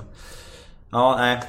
Det, Sen tycker jag som jag läste någon skrev häromdagen också sådär att man får ju samtidigt inte heller tappa tri- tilltron till rättsstaten och, och domstolar och att det finns en jävla fara i hela den här Flashback-kulturen där man hänger ut människor i sociala medier istället för att säga, ja men asgrymt att du vill gå ut med det här men gå och anmäl den här personen på riktigt liksom. Och låt det hamna i domstolen liksom. Det... ja, det är jättesvårt att diskutera där. Absolut. Är, Och- så vi kan ju lämna det kanske. Ja.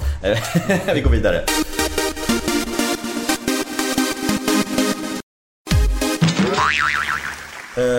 Jag skulle vilja prata med dig om relationer. Mm. Eh, du har varit gift, det här är fjärde äktenskapet du har nu. Eh, och jag blir, jag Vilken koll du har. Ja, fan, någon slags jävla research ska man väl göra. Eh, jag har ju faktiskt haft Anna Wahlgren som gäst och hon har ju haft, hon har varit gift åtta gånger. Okej. Mm.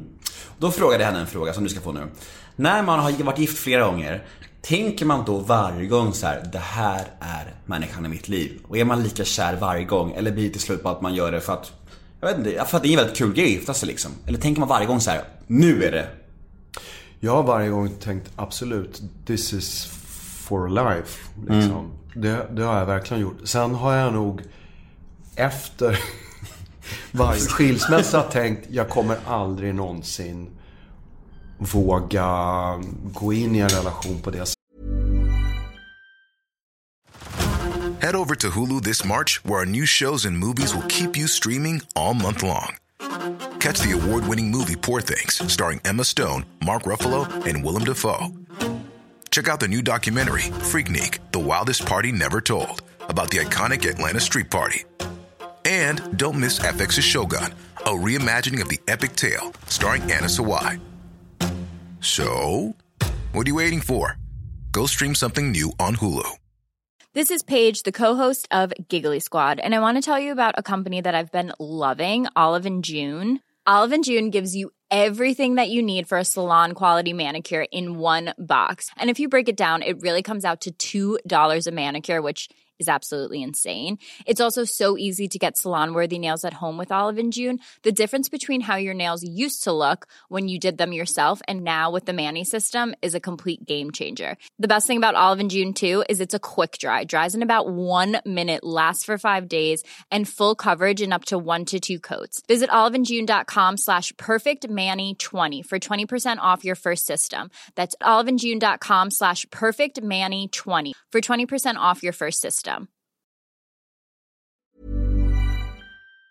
Sättet som man gör när man blir förälskad. Eller jag kommer nog aldrig bli förälskad igen på det sättet. Så att jag känner att jag vågar gifta mig en gång till. Liksom, Om du förstår vad jag menar.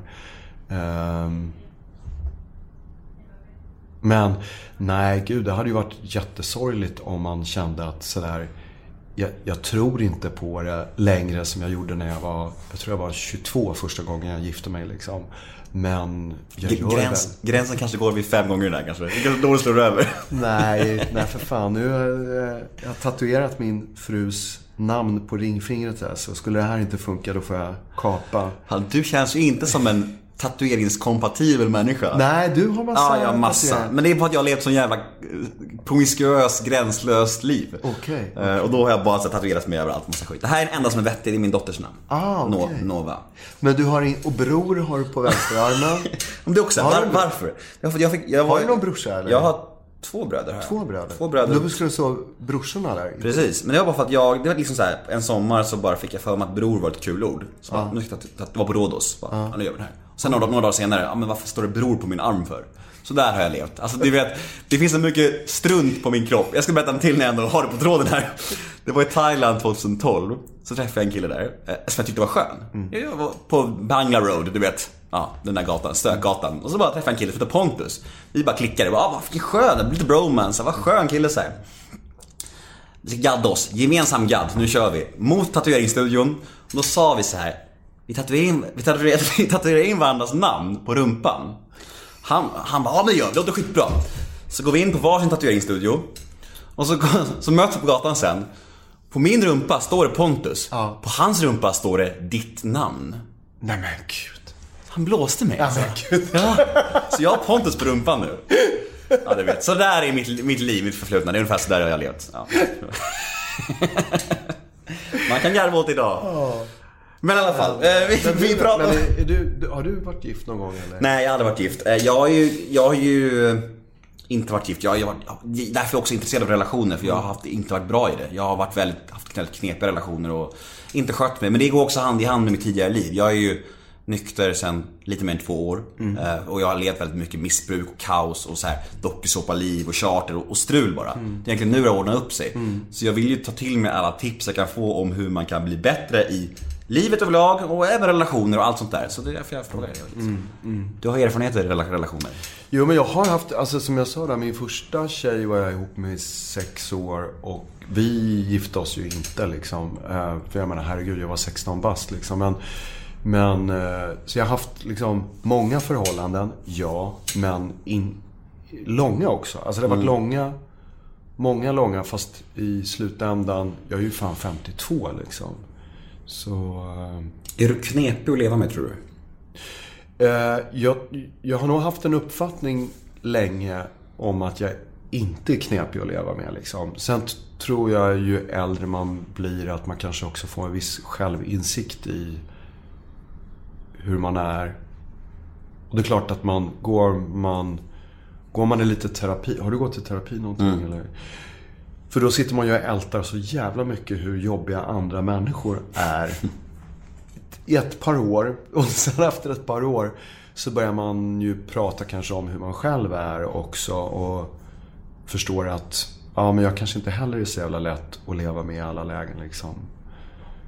Det är därför jag, jag jobbar ju i 12-stegsprogrammet som är en, en, ett för tillfrisknande ur missbruk. Och då handlar ju allt, alltså hela, den, hela det programmet handlar ju om min del. Vad kan jag ändra? Och det är väldigt skönt att fokusera på min del i saker, för det är det enda jag kan förändra. Att fokusera på andra och älta det, det liksom tar mig ingenstans. Hela mitt liv har jag gjort det så här. Mina föräldrar var så struliga. Det är klart att jag blev strulig, så där har jag hållit på. Men även om det kanske förklarar saker så är det ingen ursäkt för mig att, vara kvar, att gotta mig i någon slags självömkan. Jag har ansvar för mitt liv och, och, och min utveckling liksom. Och det har jag fattat nu äntligen. Och det är så här, ganska skönt att landa i det. Att man faktiskt har ansvar för sitt eget liv liksom. Ja men det är bra som du säger. Känslan av att jag kan faktiskt förändra mig själv. Det ju- förstår man det så är det också en jävla frihetskänsla i att inte bara sitta och tänka fan vad jag har råkat ut för många idioter. Och jag lär väl träffa någon ny idiot. Åh, jag är offer för omständigheter, det är så synd om mig. Ja men precis. Sen är det klart att man också när man går i terapi funderar på vad såg jag i henne? Vad såg jag i henne? Varför attraherades jag av den personen?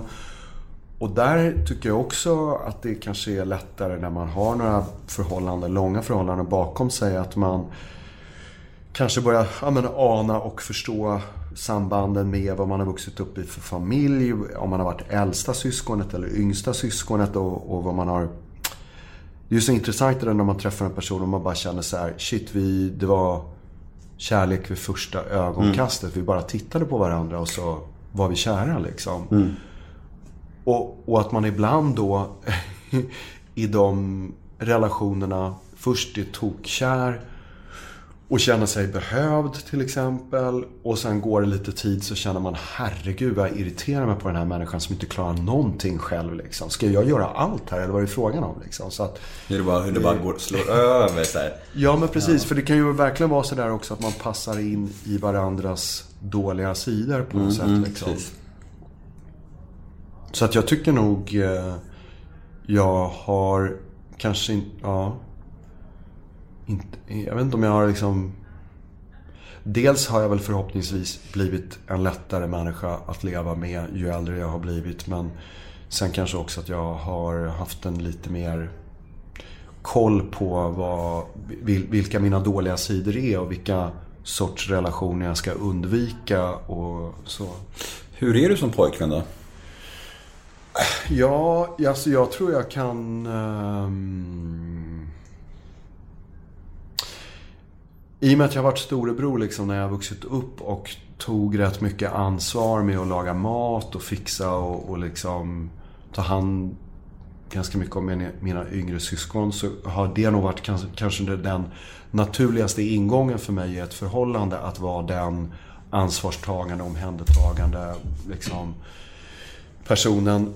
Eh, och haft jättesvårt att be om hjälp. Haft jättesvårt att säga eh, kan, du, kan du göra det där? Kan du hjälpa mig med det här liksom? Och är man yngre så tänker man ju sådär, ja men herregud, det är väl värsta drömläget att vara ihop med någon som inte ber om hjälp. Och vara ihop med någon som säger det är lugnt, jag fixar det här. Men ingen människa fixar ju allting liksom. Och sen står man där och gråter och skriker och säger, jag orkar inte. Eh, så det är också en viktig, jag menar ska det funka så måste man ju faktiskt också vara den i en relation som kan be om hjälp liksom. Ja, det känns ju som den dammigaste, tröttaste klyssa, klyschan som måste krossa en gång för alla. Att ensam är stark. För det är ju verkligen liksom så här. Att be om hjälp kan ju vara liksom det modigaste och mest utvecklande som finns. Det känns ju väldigt dammigt. Men alltså jag har ju med det. Jag har varit likadan själv tidigare. Så det är så här, det är, jag tycker vi här, här, här idag i den här podden krossar den gamla klyschan. Ja, och att det inte heller har att göra med huruvida man är kille eller tjej och sådana saker. För när vi gjorde Adam och Eva så tänkte vi ju väldigt mycket på det här att vi tyckte det var så töntiga böcker som hade getts ut som hette så här Män är från Mars och kvinnor är från Venus eller något sånt där. Liksom att vi skulle vara så olika killar och tjejer. Däremot när vi pratade om relationer jag och Hannes så var det ju så här, det, det är svårt att leva i en relation. Oavsett om man är två killar eller en kille och en tjej eller vad man nu än är så är det liksom, det, är- det är svårt med relationer. Och det tror jag kanske var det som gjorde att Adam och Eva också, ja men att folk kände igen sig, att det inte var sådär uppdelat i att det här är typiskt manligt och det här är typiskt kvinnligt. För jag tror inte riktigt att det gör det längre liksom. Det kanske var så om man om man tittar på så här tv-serier som Fröken Frimans krig, liksom, där är det lite lättare att se att ja, på den tiden var det så här liksom, med män och kvinnor och hur vi såg på varandra. Liksom. Men alltså, jag har två små frågor till om relationer. Eh, när man skiljer sig och sin ex-fru träffar en kvinna istället. Händer det, är det speciellt? Känns det annorlunda, kändes det något, blev det annorlunda för dig? Eller förstår du vad jag menar frågan? Alltså, känns det annorlunda än om träffa träffat en man? Kajsa Bergqvist då? Ja, men jag, jag tror så här, om man... Om man... Um, om man skiljer sig så tror jag alltid att det i, det, i de... Alltså alla skilsmässor är väl olika men det finns väl alltid ett inslag av jag trodde jag kände den jag var ihop med. Eh, men uppenbarligen nu får jag reda på saker som jag inte visste om liksom. Och den mm, Glipan. mängden, ja precis, blir ju mycket större när man är så här, jaha, oj, det, det där var verkligen ingenting jag visste om liksom. Eh, Men annars skulle jag nog inte säga att det är någon liksom skillnad. Jag höll på att säga, jag känner också att man är i en generation och lever i en tid där inte det är en sån stor grej liksom, utan det är väl Har du någon relation med dina exfruar idag? Ja, det har jag ju. Olik, mer, mer, eller, mer eller mindre höll jag på att säga. Den, är, den enda jag egentligen har någon eh, relation med är ju mina två äldsta barns mamma Lena. Liksom. Och det är ju på grund av att vi har barn liksom, som det är så. Eh, sen kan jag stötta ihop med mina andra exfruar. Och eh, gudskelov känner jag inte att det ligger några stridsyxor nergrävda längre någonstans. Liksom. Och det är också det där att man vet att det tar, det tar tid. Liksom. Och det, det är väl något jag också har lärt mig efter alla skilsmässor. Liksom, att om den ena personen känner åh jag hoppas vi kan fortsätta vara kompisar. Så är det så här.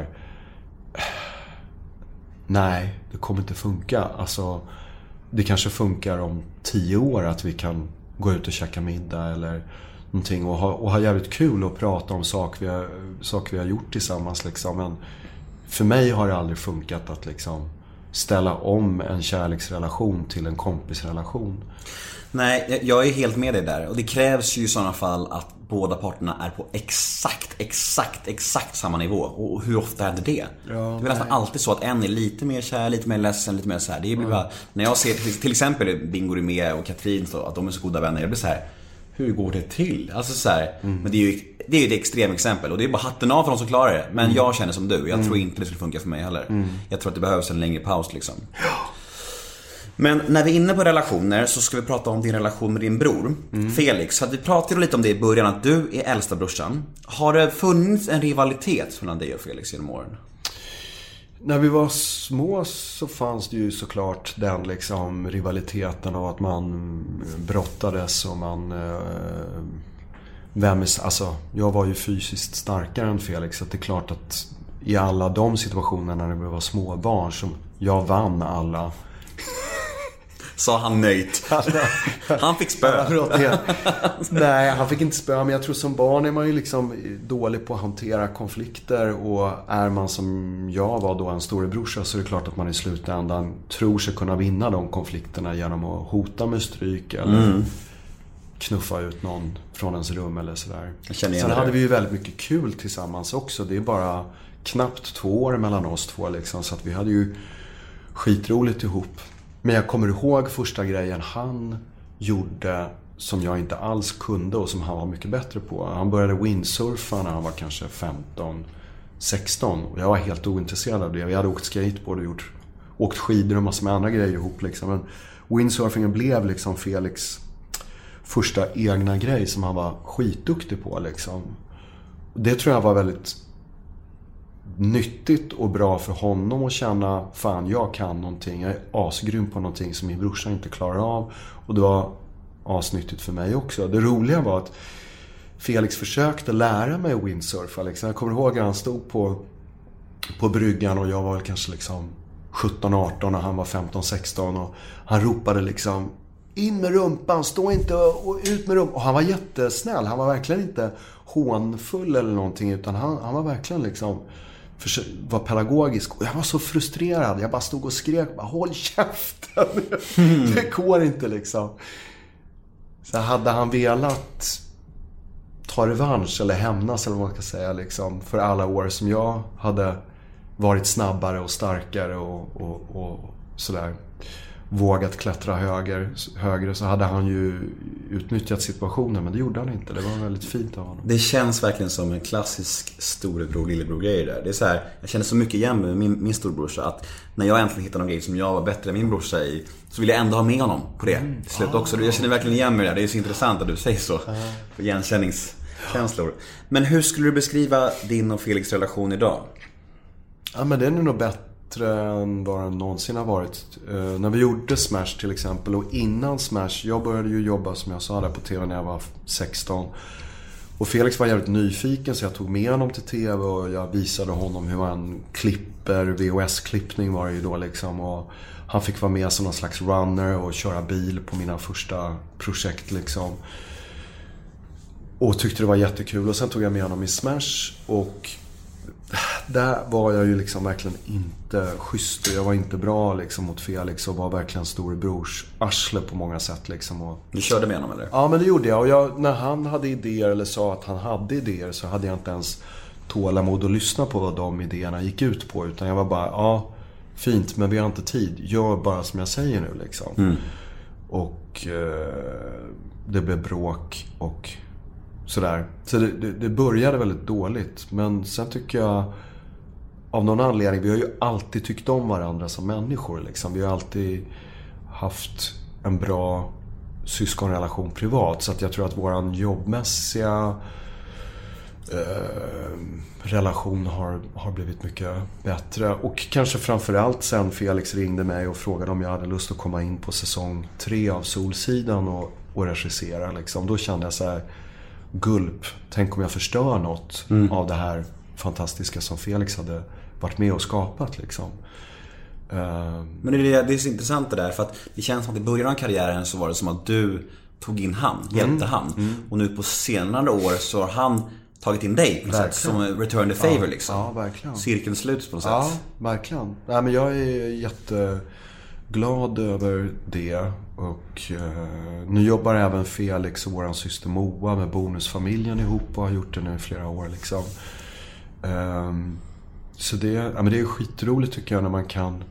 Man hänger ju så mycket när man är barn som syskon och sen tror jag risken är att många flyttar hemifrån, tappar kontakten med sina syskon, man lever olika liv. Man träffas på födelsedagar och jul i bästa fall liksom. Men det är ju en jävla ynnest att få hänga så mycket med sina syskon som, som vi har, har gjort liksom genom åren. Har du, men nu, jag tänker så här precis innan, den här perioden innan du kom in på Solsidan. Kunde du känna en avundsjuka på, på hans framgång? Alltså, Nej, jag, så, jag, alltså jag tittade på Solsidan kommer jag ihåg när första avsnittet gick och var helt chockad över hur jävla bra det var. Liksom. Och ringde upp Felix och bara sa fy fan vad bra det här är liksom. Och efter avsnitt två och tre och andra säsongen också. Jag var, jag var golvad. Ja, men jag var golvad över hur jävla bra jag tyckte det var. Jag tyckte allt annat Felix hade gjort innan det med Papi Raul och Dan Bäckman också var skitbra. Och vuxna människor och... ehm, ja. Och, och, och jag höll på att säga tur för mig, för det är så många som ibland tror att jag har varit inblandad i projekt han har gjort som jag inte alls varit inblandad i. Så jag är så här, hade han gjort skitdåliga grejer så hade jag ju stått där och varit så här: nej jag har verkligen inte haft någonting att göra med de där grejerna liksom. Men, nej. Jag, Du har aldrig varit missunnsam. Eh, jag måste verkligen tänka efter så att det inte bara är någonting som flyger ur min mun. Men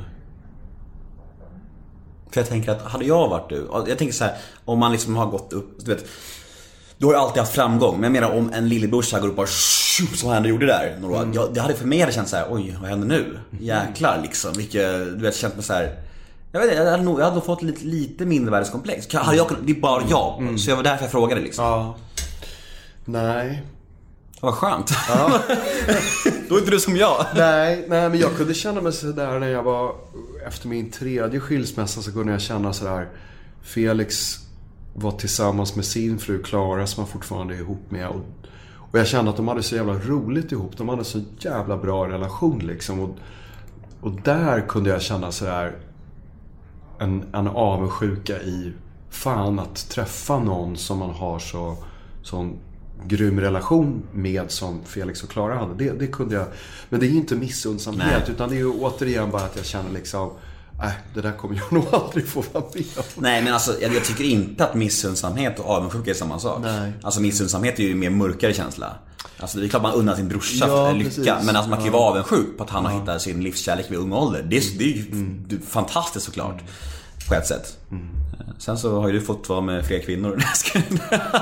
Han brukar säga det. Ja, precis. Han hade någon bild av när jag, vi var unga att jag hade mycket, hur mycket tjej som helst. Men så Ja. var det ju inte. Du får ursäkta mig lite grov i mun. Jag känner så här, men jag tycker att vi har en liten bra, bra, bra balans här. Vi kan alltid känna efter mina gäster i början så här, vilken nivå de är på. Kanske inte kan dra sådana skämt med alla gäster jag. Du- Så du är inte sådär Tourettes att när du känner att du har någon som det är lite känsligt med så måste du... Nej, verkligen inte. Det är snarare så att jag, jag känner när jag intervjuar människor att det brukar komma över en hasp jag känner mig trygg. Och Då, känner, då känner jag med dig nu. Jag känner så här, men jag kan säga nästan vad som helst och du tar inte illa upp. För det känns som att, liksom, så här, det känns som att du är ganska, du är ganska hårdhudad va? Du tar inte illa upp av så här, mycket saker. Nej. Nej, jag har... Vad ska jag säga då? Nej, men Hur kränker jag ja, dig? Nej, men det är väl samma sak där återigen. Liksom, att är man tonåring så är man- ju såklart mycket mer sårbar. Mm. Det räcker ju med att någon säger något taskigt på tunnelbanan eller ger en en sur blick så känner man liksom bara... Vad fan? Vad fan? Eller, eller att någon byter plats som är bredvid en. Det har jag märkt. Att det, det här häromdagen, jag märkte det. Jag satt bredvid någon som var, bytte den plats. Och jag bara, Va? Vad har jag gjort? Luktar jag illa? Är jag ful? Vad fan är grejen? Jag blev så jävla kränkt. Och det skulle inte du bli kränkt av Nej, jag. Nej. Jag, hade, jag hade nog direkt tänkt sådär att det fanns någon anled, annan anledning till det. Ja. Det är nu, det är nu du ska så här, svara så här. Jag åker till tunnelbanan Nemo. Jo men det, nej, det gör jag verkligen. Jag tycker det finns inget bättre sätt. Jag sålde min bil här nu bara för någon månad sedan. Efter, eftersom jag aldrig använder den så känner jag bara så här, det är ju idiotiskt att ha en bil som man inte använder. Vad var det för bil? Porsche? Nej, en väldigt sån här praktisk Toyota Prius el laddhybrid liksom. Sista frågan om eh, Felix. Berätta om ert största bråk. Jag tror vårt största bråk kanske var när vi gjorde varannan vecka och vi hade varit bortresta eh, några dagar på Gotland på hans landställe och suttit och jobbat. Hannes, jag, Hasse Ingmansson och, och Felix och jag då. Vi Han hade varit borta i flera dagar och jobbat med manus. Kommer tillbaks och Felix kommer till kontoret efter den här resan och är så här. Det här är den värsta helgen jag har varit med om i hela mitt liv. Alltså jag pallar inte de här jävla konflikterna, de här jävla bråken liksom. Och jag bara satt som en fågelholk och fattade ingenting liksom. Men Felix kände att det hade varit dålig stämning. Han tyckte alla hade varit på honom och i synnerhet jag hade varit på honom hela tiden liksom. Så det är väl liksom det största bråket så tillvida av att jag tror att Felix uppfattar det som det största bråket vi har haft. Men det konstiga var ju att jag inte... Känner igen det alls? Nej, jag fattar ingenting. Ja men shit, hur fan, hur löser man en sån grej då? Om ni har helt olika uppfattningar om en händelse. Alltså, Ja, nej men det var väl, jag, jag, försökte liksom på något sätt, nej, eller hur tyckte du var... Jag frågade Hannes som jag har jobbat med i många år liksom, hur, delar du den, den här synen? Tyckte du att jag var på Felix liksom? Och Hannes tittade på mig och var så här, vet du vad Måns? Jag, jag har aldrig upplevt dig så samarbetsvillig som under de här dagarna. Så då fick jag väl i och för sig också vatten på din Förstod kvarn. jag, nej men då förstod jag väl lite grann också kanske att jag inte alltid har varit så jävla lätt att jobba med liksom. Så då var det helt plötsligt en annan dis- diskussion. Ja precis. Ja, men Felix har väl kanske vidareutvecklat det där sen senare genom åren av att liksom Han har en syn på som jag delar och förstår liksom att Att man ska vara jävligt försiktig när folk bollar upp idéer. Liksom att om man tycker att det är dåligt så ska man inte säga direkt. "Ah, Nej, det där tror jag inte på liksom. Jag tyckte ju att jag var väldigt försiktig liksom, men han menade på, och jag- tycker det är en, det är en klok, klokt sätt att tänka liksom, att de dåliga idéerna de brukar ändå trilla bort med tiden liksom. Så att man behöver inte vara så ängslig när man kastar ur sig idéer början, av liksom. att värdera om de är bra eller dåliga på en gång liksom. Och det, det är något jag har tagit till mig. Liksom att det, det ligger jävligt mycket i det. Det är en lång process med manus och skriva. Så ända fram till klippbordet så kan dåliga idéer väldigt ofta tas bort. Liksom. Och man känner efter ett tag också vad som är dåligt. Liksom. Varför slutade du jobba med Hannes? Ja, bra fråga egentligen. Det känns som att vi nu och sen ganska lång tid tillbaks försöker synka våra kal- kalendrar och hitta någonting att jobba med eh, tillsammans. Men jag tror att då när det liksom började som en paus så var det väl liksom att vi hade jobbat så fruktansvärt länge tillsammans. Så att man kände också att det vore skönt att hitta något nytt sätt att jobba på tillsammans. Eh, första grejen där blev väl Underbara älskad av alla som jag skrev manuset till efter Martina Hags bok och som Hannes regisserade. Och det var ganska skönt att göra ett projekt där han fick vara ensam regissör, jag fick skriva manuset själv. Och jag tror att vi behövde där för, vad kan det nu vara, åtta år sedan. Behövde vi få lite paus på något sätt. Och kanske också känna att vi kunde göra saker utan varandra också. Men eh, som sagt, nu har nog liksom lusten... Sen, sen, sen flyttade Hannes till Skåne också någonstans för 6-7 år sedan. Så att liksom kombinationen av att han bor i en helt annan stad och att vi hela tiden har varit ofas med våra produktioner av att när den ena står klar är så här, nu är jag färdig med att kunna sätta igång ett nytt projekt. Och den andra personen kanske precis gått in i inspelningen. Liksom. Men vi är fortfarande väldigt bra Polare. vänner och umgås så gott man nu kan när man inte bor i liksom samma stad så att säga. Men Vi träffades senast för några veckor sedan och delade ut minnespri, ett sådär humorpris till minne av Gösta Ekman vilket var väldigt... Det var ju inte kul att dela ut ett minnespris till Gösta Ekman som dog i våras men det, det kändes väldigt ärofyllt och hedrande att få dela ut det där priset och göra det tillsammans med Hannes.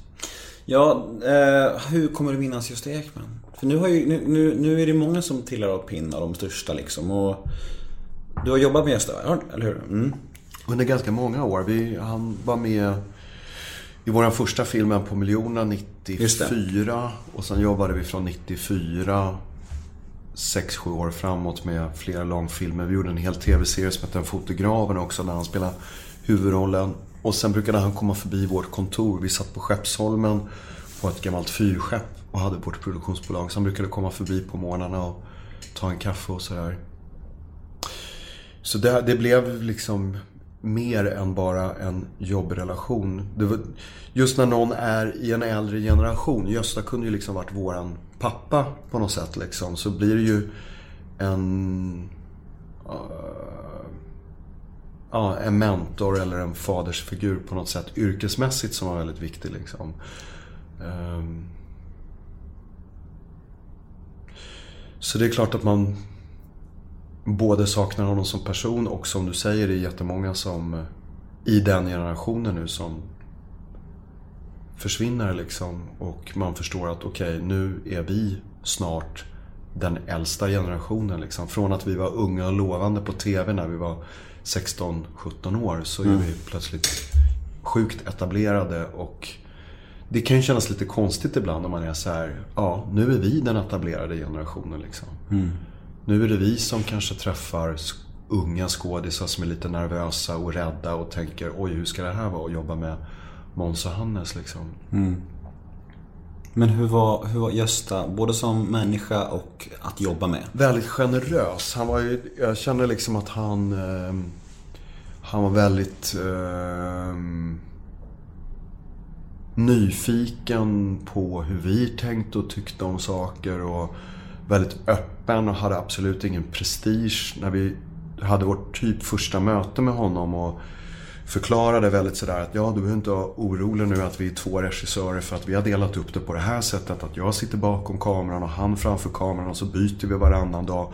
Så du kommer aldrig behöva ha båda oss på dig i varsitt öra mm. med olika åsikter liksom. Och Gösta bara tittade på oss och var såhär, men det är ingen fara liksom. När jag jobbade med Hasse och Tage var vi tre regissörer som mm. sa tre olika saker. Mm. Och det blev förvirring och kaos, men det är en del av processen att det är kaos. Jag är mm. inte rädd för kaos, det behöver ni inte heller vara liksom.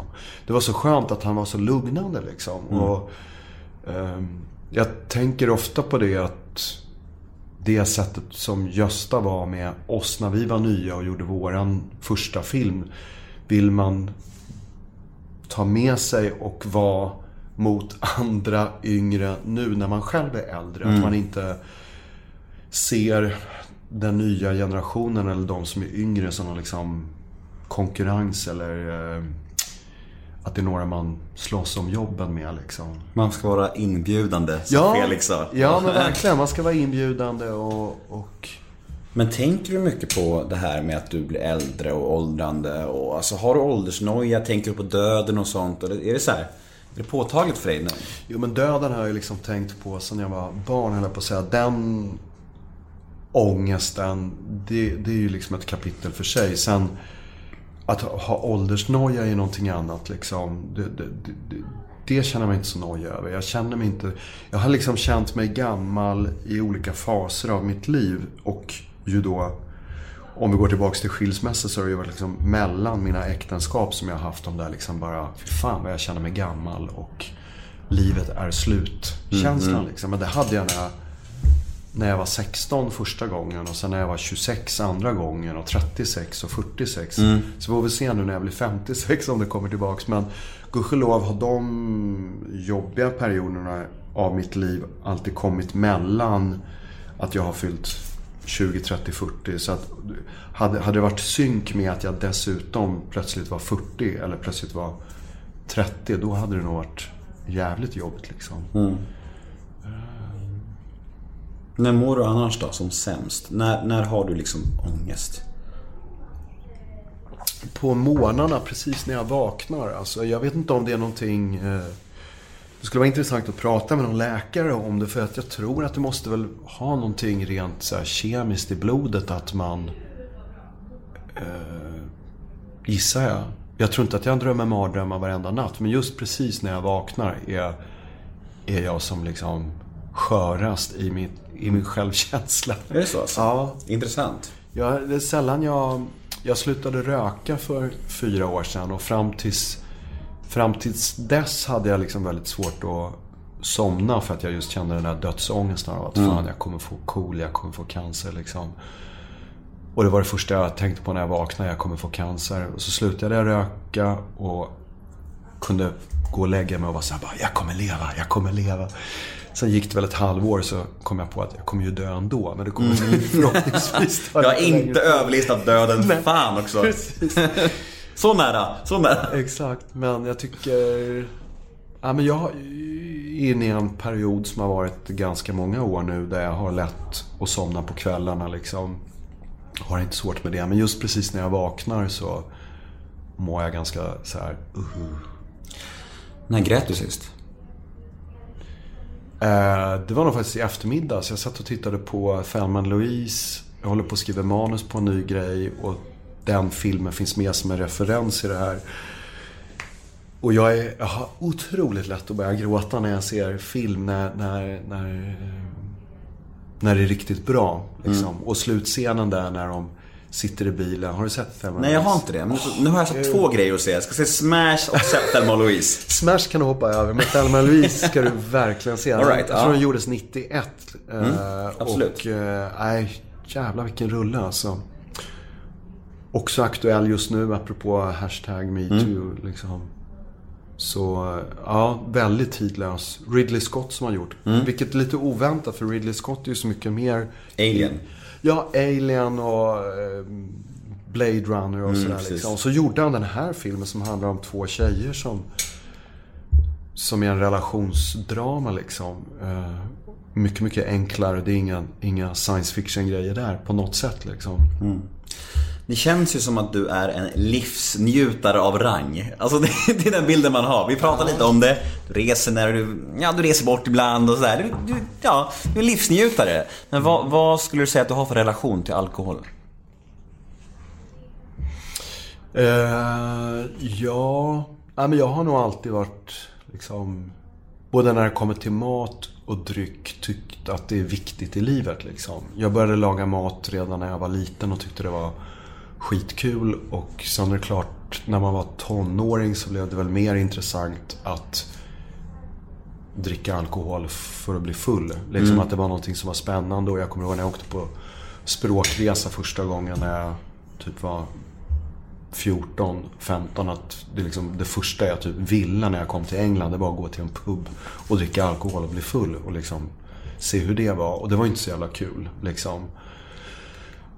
Eh, Speciellt när man kände att man inte fattade riktigt hur mycket man tålde liksom. Jag tror jag drack två pint öl, möjligtvis något, något glas rom och sen var jag jag visste fan knappt hur jag skulle ta mig hem liksom.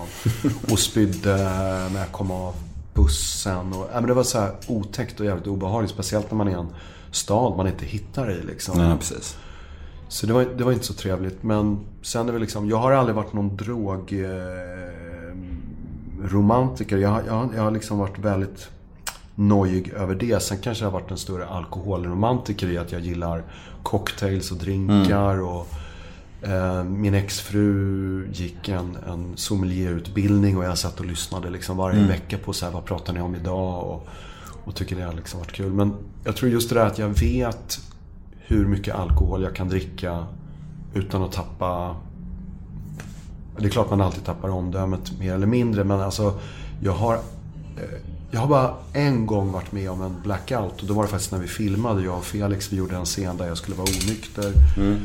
Och Felix sa du måste vara full på riktigt när vi gör den här scenen. Vilket, vilket projekt, projekt var det? Varannan vecka är, är Så en har- scen. du packade på riktigt, på riktigt Ja, alltså? ja precis. Jag, och för jag sa det till Felix, fan du vet hur jag är. Jag kan dricka ganska mycket utan att det märks jättemycket liksom. Och då sa Felix, då får du dricka mer än vad du någonsin har gjort förut liksom. Och gjorde det och hade, fick en total minneslucka på två timmar. Jag kommer inte ens ihåg det vi filmade. Liksom. Har du sett det efter? Ja, det har jag. Det, har, det, var- ganska obehagligt att se just dagstagningarna sen efteråt när man inget som helst minne av det jag Nej. tittar på liksom.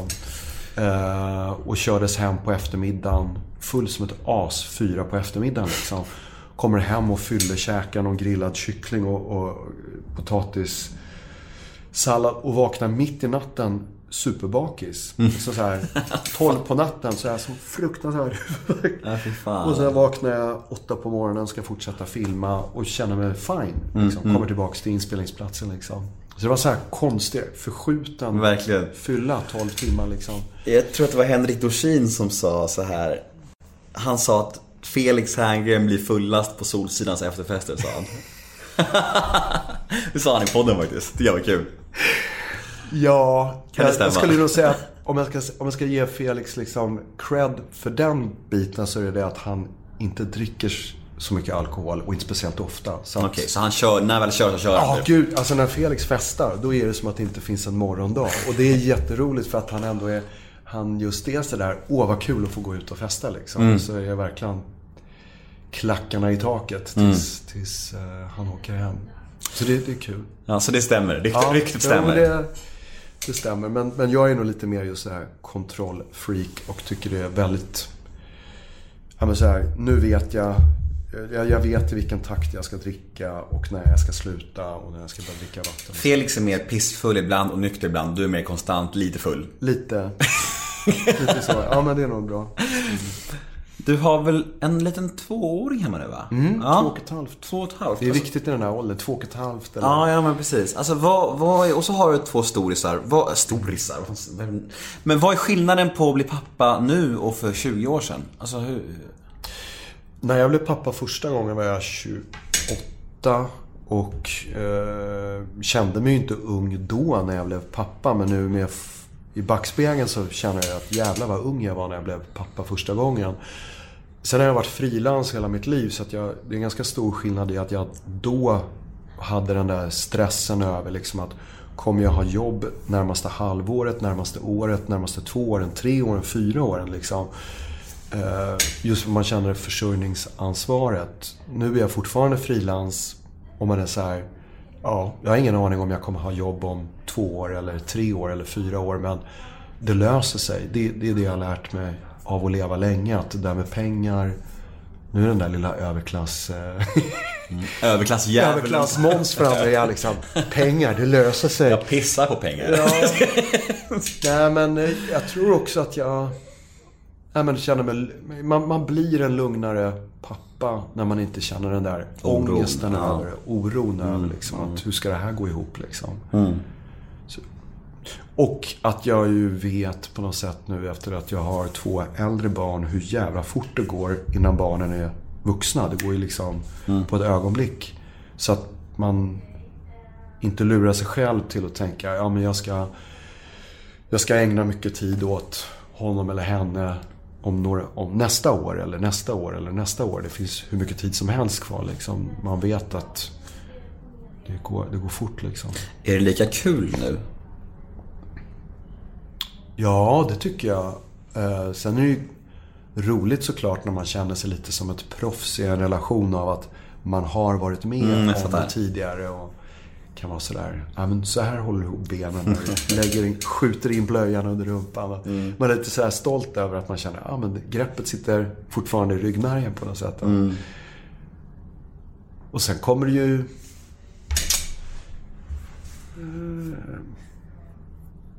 Nej, men jag tycker det på många sätt är lättare att vara förälder nu än vad det var då. Liksom. Sen är det ju helt sinnessjukt med förlossning och hela liksom, Ja, Alltså det som verkligen, hur många gånger man än har varit där så är man ju helt bara ah, hur ska det här gå liksom? Ja, det är, det är sjukaste upplevelsen någonsin alltså. Ja, det är fantastiskt. Ja, det är verkligen. Det går fan inte att... Att man har varit där med ett barn. Och det är ju, den synen är ju... Jag kan typ inte finna ord, det är det som är grejen. Det är så jävla skruvat. Och mäktigt. Vackraste och det sjukaste jag varit med om. Man kan säga liksom. Och de människorna som jobbar. Och är så lugna. Det är ju det som är så sjukt. Jag kommer ihåg alltså under förlossningen, det var så sjukt för att, för att vi fick oss en sugpropp du vet. Man fick, eh, det var lite, nu kanske det blir jätteintimt här men det får, det får det vara, det är nog ingen fara. Eh, Och, och, och eh, det kom in någon så här kvinna och, så, och skulle ta sugpropp på lilla barnets huvud och ta ut henne så här. Och jag var så, jag fick panik. Jag bara "Åh, hur fan ska det ta och huvudet kommer gå av? Du vet, jag var helt så här hysterisk och grät och så här, och det gjorde även Frida och så här. Och sen efter, jag, jag bara kramade läkaren. Jag bara åh fan hur, hur, var det nära gått helvete? Hur fan hur? Hon bara nej. Nej. jag gör hundra sådana där om dagen. Det var, ing, det var precis som vanligt. Jag bara VA? Som vanligt? Skojar du med mig? Det var ju drama! Missade du vad som hände här nyss? Du vet. Så jävla sjukt. Ja, det är fantastiskt. Vi går vidare. Trivs du i rollen som offentlig människa? Nej, det har jag nog aldrig riktigt gjort. Men jag tycker ju äldre jag blir där också. Allt, det mesta har blivit bättre i mitt liv. Nej men alltså när jag var så här 16-17 och eh, började jobba med TV. Då fanns det bara TV1 och TV2. Det var verkligen så här. Alla tittade på det man gjorde liksom. Och var man då framför kameran som jag var så kände folk igen en på ett helt annat sätt än vad folk gör idag när man står bakom kameran. Så jag, jag tycker det, det, det är skönt liksom. Det är mycket skönare nu när man känner att just apropå åka tunnelbana och sådana där saker att folk... Att du är en doldis? Ja men precis. Det, sen är det klart att det är att vara en offentlig person med sitt namn och att man är en person vars liksom på något sätt man har någon slags makt av att tycka till om saker. Det kan jag ju tycka är, är positivt liksom. Få bord på Rish när du vill och så. Eh, ja, det vet jag inte om jag kan få. Men det kanske kan i sådana fall beror på att jag har varit mycket på Rish eller... Men är du, sån- är du sån här som människa, och vi säger att en kompis till dig ska beställa bord till er två och så får inte han bord. Är du så här som bara, nej men jag ringer istället. Jag tar det. Då löser det sig. Ja, men kanske Rish. Men då är, det, då är det ju för att jag vet att Anders Timell och jag gick i parallellklass i högstadiet. Så jag kan ringa Anders och säga du, vi skulle behöva ett bord där liksom. Men, men jag, jag skulle inte... Jag skulle, jag, jag, jag skulle aldrig tro eller förutsätta att liksom, mitt namn skulle vara en, en dörröppnare på ett ställe på det Jag förstår. Jag har ett segment som heter ett ord om. Det går ut på att jag säger fem stycken offentliga människor. Fem stycken svenska kändisar. Du ska säga det första ordet som kommer i ditt huvud när du hör namnet. Oj, tänk, tänk om jag inte vet vilka de här personerna Det vet du, är. garanterat. Okej. Är du med då? Ja. Alex Schulman. Eh, produktiv. Marcus Birro. Vem av bröderna är det? Peter är manusförfattaren, Marcus är poeten. Aha, eh, katolik. Sara Larsson. Eh, hon är musiker va? Ja. Eh, Men du hör ungefär på vilken nivå? Det är Så- sjukt. Sara Larsson är ju störst i hela Sverige. Jag, bara, tror du skojar. Jag bara, va?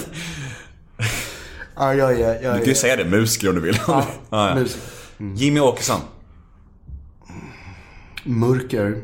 Leif GW Persson. Rolig. Ja, du sköter det okej tycker jag ändå. Ja, Okej. Bra betyg. Vi har tre stycken eh, lyssnarbrev, kortisar. Eh, första är Hej Måns, du har ju verkligen en välutrustad aura. Är detta något du kan bekräfta eller dementera? Va? En välutrustad aura? Ja, du ser ut att vara välutrustad. Okej. Nu var det privat. Du behöver inte Jag vet inte hur jag ska tolka den. Nej men det är väl något positivt? Jag gissar att det, det är Ja.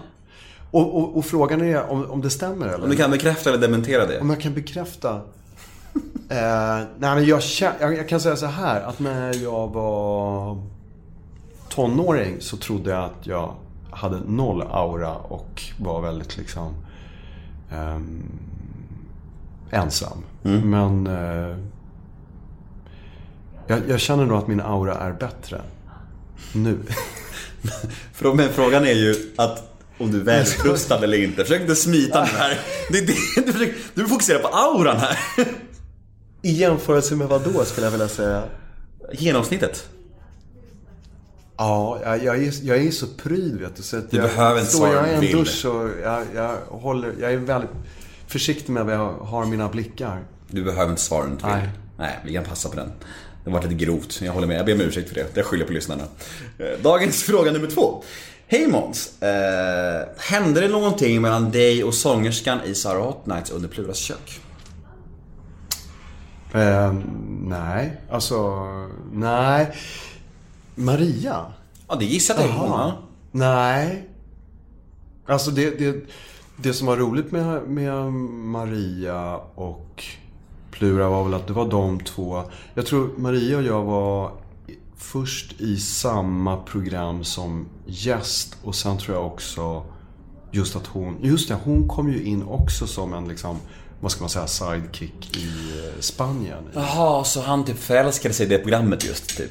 Ja, jag, jag, jag vet inte. Sen, alltså, sen blir det väl någon slags sån där jargong på det sättet. Men nej. Jag vet inte, är det något som någon har läst på Flashback? Jag, jag, jag, jag, apropå det där du läste om Wikipedia. Jag har varken läst min Wikipedia-sida eh, Wikipedia-sida eller vad det står på Flashback just för att jag känner att det står nog ganska mycket konstiga saker. som- Det är 90% skit. Ja, precis. Som sidorna. Eller i alla fall på Flashback. Det är ju allmänt känt liksom. Men, men... eh, ja, nej det är inte därifrån. Det var faktiskt folk som frågat på, på sociala medier till mig. Men vi, vi går vidare. Det kanske var någon som tyckte ni hade haft fin kemi. Men däremot, ja precis, ja, men så kan det ju vara. Och jag menar, jag tycker verkligen Maria är otroligt eh, skön, rolig, eh, toppen tjej. Så det var därför vi gärna ville att Maria skulle vara. Fråga nummer tre då. Eh, Du regisserade Allt flyter. Eller hur? Mm. Där Jonas Inde var huvudroll. Mm. Var hans mentala ohälsa någonting som du märkte under inspelningarna? Nej, han var en av de mest professionella skådisar jag har jobbat med eh, under, under, under den produktionen. Vi, eh, In- ingenting alltså? Nej, han var otroligt eh, väl förberedd, enormt professionell och... eh, Ja, nej det funkade. Jag tänkte, vi börjar bli klara. Eh, Men avslutningsvis så tycker jag att vi ska prata lite om framtiden och, och hur det ser ut framöver. Solsidan-filmen, snart. Eh, vad kan du säga om den? Det är ju egentligen därför du är här, för att marknadsföra lite. Ja, precis. Nej, men vi, vi eh, efter ett antal säsonger trodde väl egentligen att vi hade gjort den sista säsongen av Solsidan för två år sedan. Men någonstans har väl alltid hovrat något litet fantasimoln av att det hade varit kul att göra en långfilm på Solsidan. Och eh, skådisarna har allihopa sagt att jo men det kan vi tänka oss om det kommer fram ett tillräckligt bra manus på det liksom.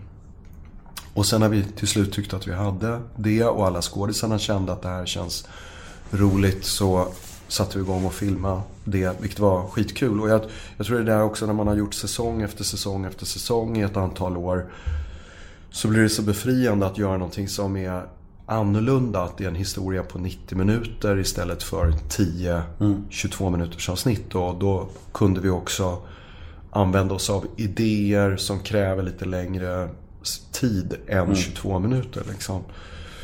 Plus att man får lite mer resurser. När vi gör tv-serien så filmar vi ett avsnitt på fyra dagar. Och det kanske inte säger någonting till de som lyssnar på, det, på den här podden. Men det är ett jävla tempo när man ska göra typ 5-6 minuter varje dag på inspelningsplats. Däremot när man gör långfilm så får man ofta lite fler inspelningsdagar, vilket vi fick. Och det gjorde också att det blev ett lite lugnare tempo där man också hade möjlighet ibland att ta om scener och tagningar. Ja.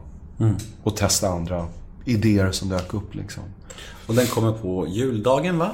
Nej, den går faktiskt upp första december. Första december? Ja. Mm. Ehm, från början var det väl tänkt juldagen. Men då vill väl alla filmer komma antar jag? Inte så? Dels är väl det, men sen är det också att just i år så ligger eh, Star Wars ligger väl någonstans 14-15 december. Och Ted sen, också va? Den vet jag faktiskt inte när den går upp, men jag tror att den går upp i januari. Jag tror inte den går upp. Nej, okej. Mycket stora filmer i alla fall. Ja, det är det. Och då Mm. tänkte vi så här, ja men vi testar att köra första december. Sen kanske folk kommer antagligen ha lust att gå och se den på jul också, så att Mm. säga. Även om den är två veckor gammal eller tre veckor gammal. Jag tror inte intresset har svalnat så fort. Nej, Får vi hoppas. Nej, men precis. Om folk tycker att det är en kul film så kommer de nog fortsätta. Vad är det som säger att ni skulle lyckas då med det här som så många andra inte lyckas med? Att, att göra en serie till film. För det finns många exempel på det som inte blir så bra. Alltså Mm. det är jättemånga exempel nu. Eh, Nu senast, eh, Morgon, Morgon och Tobias. Jag älskar serien och jag tycker filmen var okej. men, men alltså det är ju ofta det blir så. Vad är det som säger att ni ska lyckas med Solsidan? Nej, ingenting egentligen. Det är verkligen... Ehm, jag tror att... ehm, vi var nog medvetna när vi satte igång det här om att det är jävligt svårt. Och försökte analysera och titta på vad, vad brukar vara det vanligaste misstaget liksom. Jag tycker att det vanligaste misstaget kanske är det där att man säger att ja, men om sex Sex and the City till exempel och många andra har varit så här, men nu ska tjejerna åka iväg på en utlandssemester. Åh vad roligt det kommer bli liksom. Och då är det så här, men det har jag sett. Jag, jag, jag tycker inte riktigt att det är så kul i det här sammanhanget om man skulle ta hela Solsidan-gänget och så skickar man dem på någon utlandssemester i Toscana för att liksom, vadå, se massa fina lavendelfält och de ska sitta på någon hacienda och dricka rödvin liksom. Det känns som att det oftast är temat. Ja, men en det resa, en resa. Det är så. Ja men precis. Så det, där, där känner vi så här, vad är det vi ska försöka undvika då? då En resa. Ja men precis. Nu blir det en liten resa ner till Torekov som bara är typ 10 minuter i filmen och som inte är den här liksom sällskaps- vad är det? Torekov. Vad är det? Torekov är en liten, liten fiskeby på eh, i närheten av Båstad, kanske Okej, du känner mm. till. Är lite för mycket överklass för mig, jag har inte koll på det. Sorry. Jag är från söder, jag är ledsen mannen. Nej, men, det, men det roliga med Torekov är- att det är lite grann som Solsidan fast de på Solsidan eller Djursholm, Bromma med mycket pengar har de senaste 15 åren åkt till Torekov på Mm. sommaren. Men där går de omkring i liksom så här slitna badrockar och träskor och Mm, jag inga märkesgrejer och ska vara så lite relaxade och ha drinkar hos varandra. Så att när den idén dök upp om att Mickan vill absolut ner till Torekov där Freddes pappa har hus. Och Fredde, Sven Wollter. Ja, precis. Och, och Fr- Fredde vill absolut inte till Torekov just för att hans pappa är där. Mm. Men Mickan eh, tvingar honom så de åker dit ner.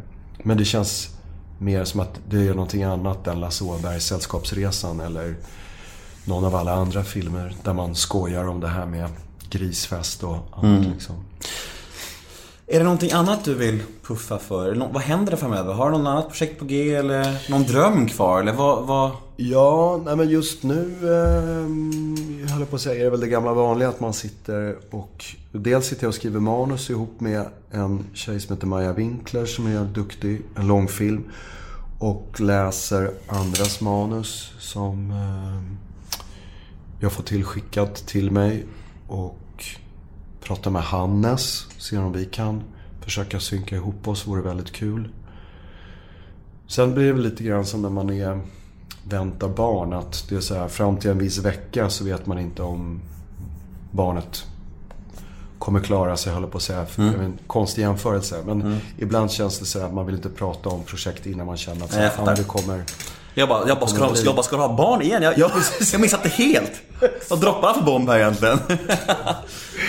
Precis. Nej, men vi, sen filmade vi, 101-åringen filmade jag och Felix ganska mycket i Budapest. Och det tyckte jag var fantastiskt. Det var skitkul att vara där. Vi var fem, sex veckor i Budapest och jobbade. Så om, om sen när du säger så här, har du några drömprojekt kvar? Så känner jag, ja, Budapest vill jag tillbaks till och, och filma i. Och nu kunde vi göra det med 101-åringen för att det var liksom en stor budget och det skulle föreställa just olika länder i andra tidsepoker och sådär. Så någonting som kanske är mer epok och sen om det behöver bli en mer internationell produktion för att man ska kunna få ihop den budgeten vet jag inte. Men jag är inte sådär apsugen på att åka till Hollywood och göra någon actiongrej där. Och jag tror att humor är så svårt. Humor är en sån känslig grej. Så att skulle man liksom få häng på något projekt i, i, i Hollywood som har med humor att göra så är jag så livrädd att bli överkörd av producenter som i olika faser av processen blir oroliga och undrar kommer det här bli tillräckligt kul och kanske ska lägga näsan i blöt liksom. Det är mycket lättare för mig i Sverige att, ja, men ha, att, att det finns ett förtroende från producenternas sida av att ja, men det här kommer att bli bra i slutändan eller kul. Liksom. Ja, vi, är- vi är klara. Ja, Hur känns det här då? känns väldigt bra. Hur känns det för dig? Jag tycker det känns ja, jättebra. Ja. Ja, vilket härligt samtal. Supermysigt. Eh, Du har inga sociala medier va? Eh, jag har ett Instagramkonto för att kunna hänga med och kolla vad mina kompisar gör. Är det privat eller? Nej, det är Nej, helt ja, in och följ dig då. Ja. Vad heter du? Uh, Måns Herngren. Ja, in och följ Måns Herngren på Instagram. Jag heter Nemo Hedén på Twitter, Instagram och hashtaggen är NEMOMÖTER. In och gilla oss på Facebook, Nemo möter en vän. Säger stort tack till Måns Herngren. Tack själv. Hej då! Hej!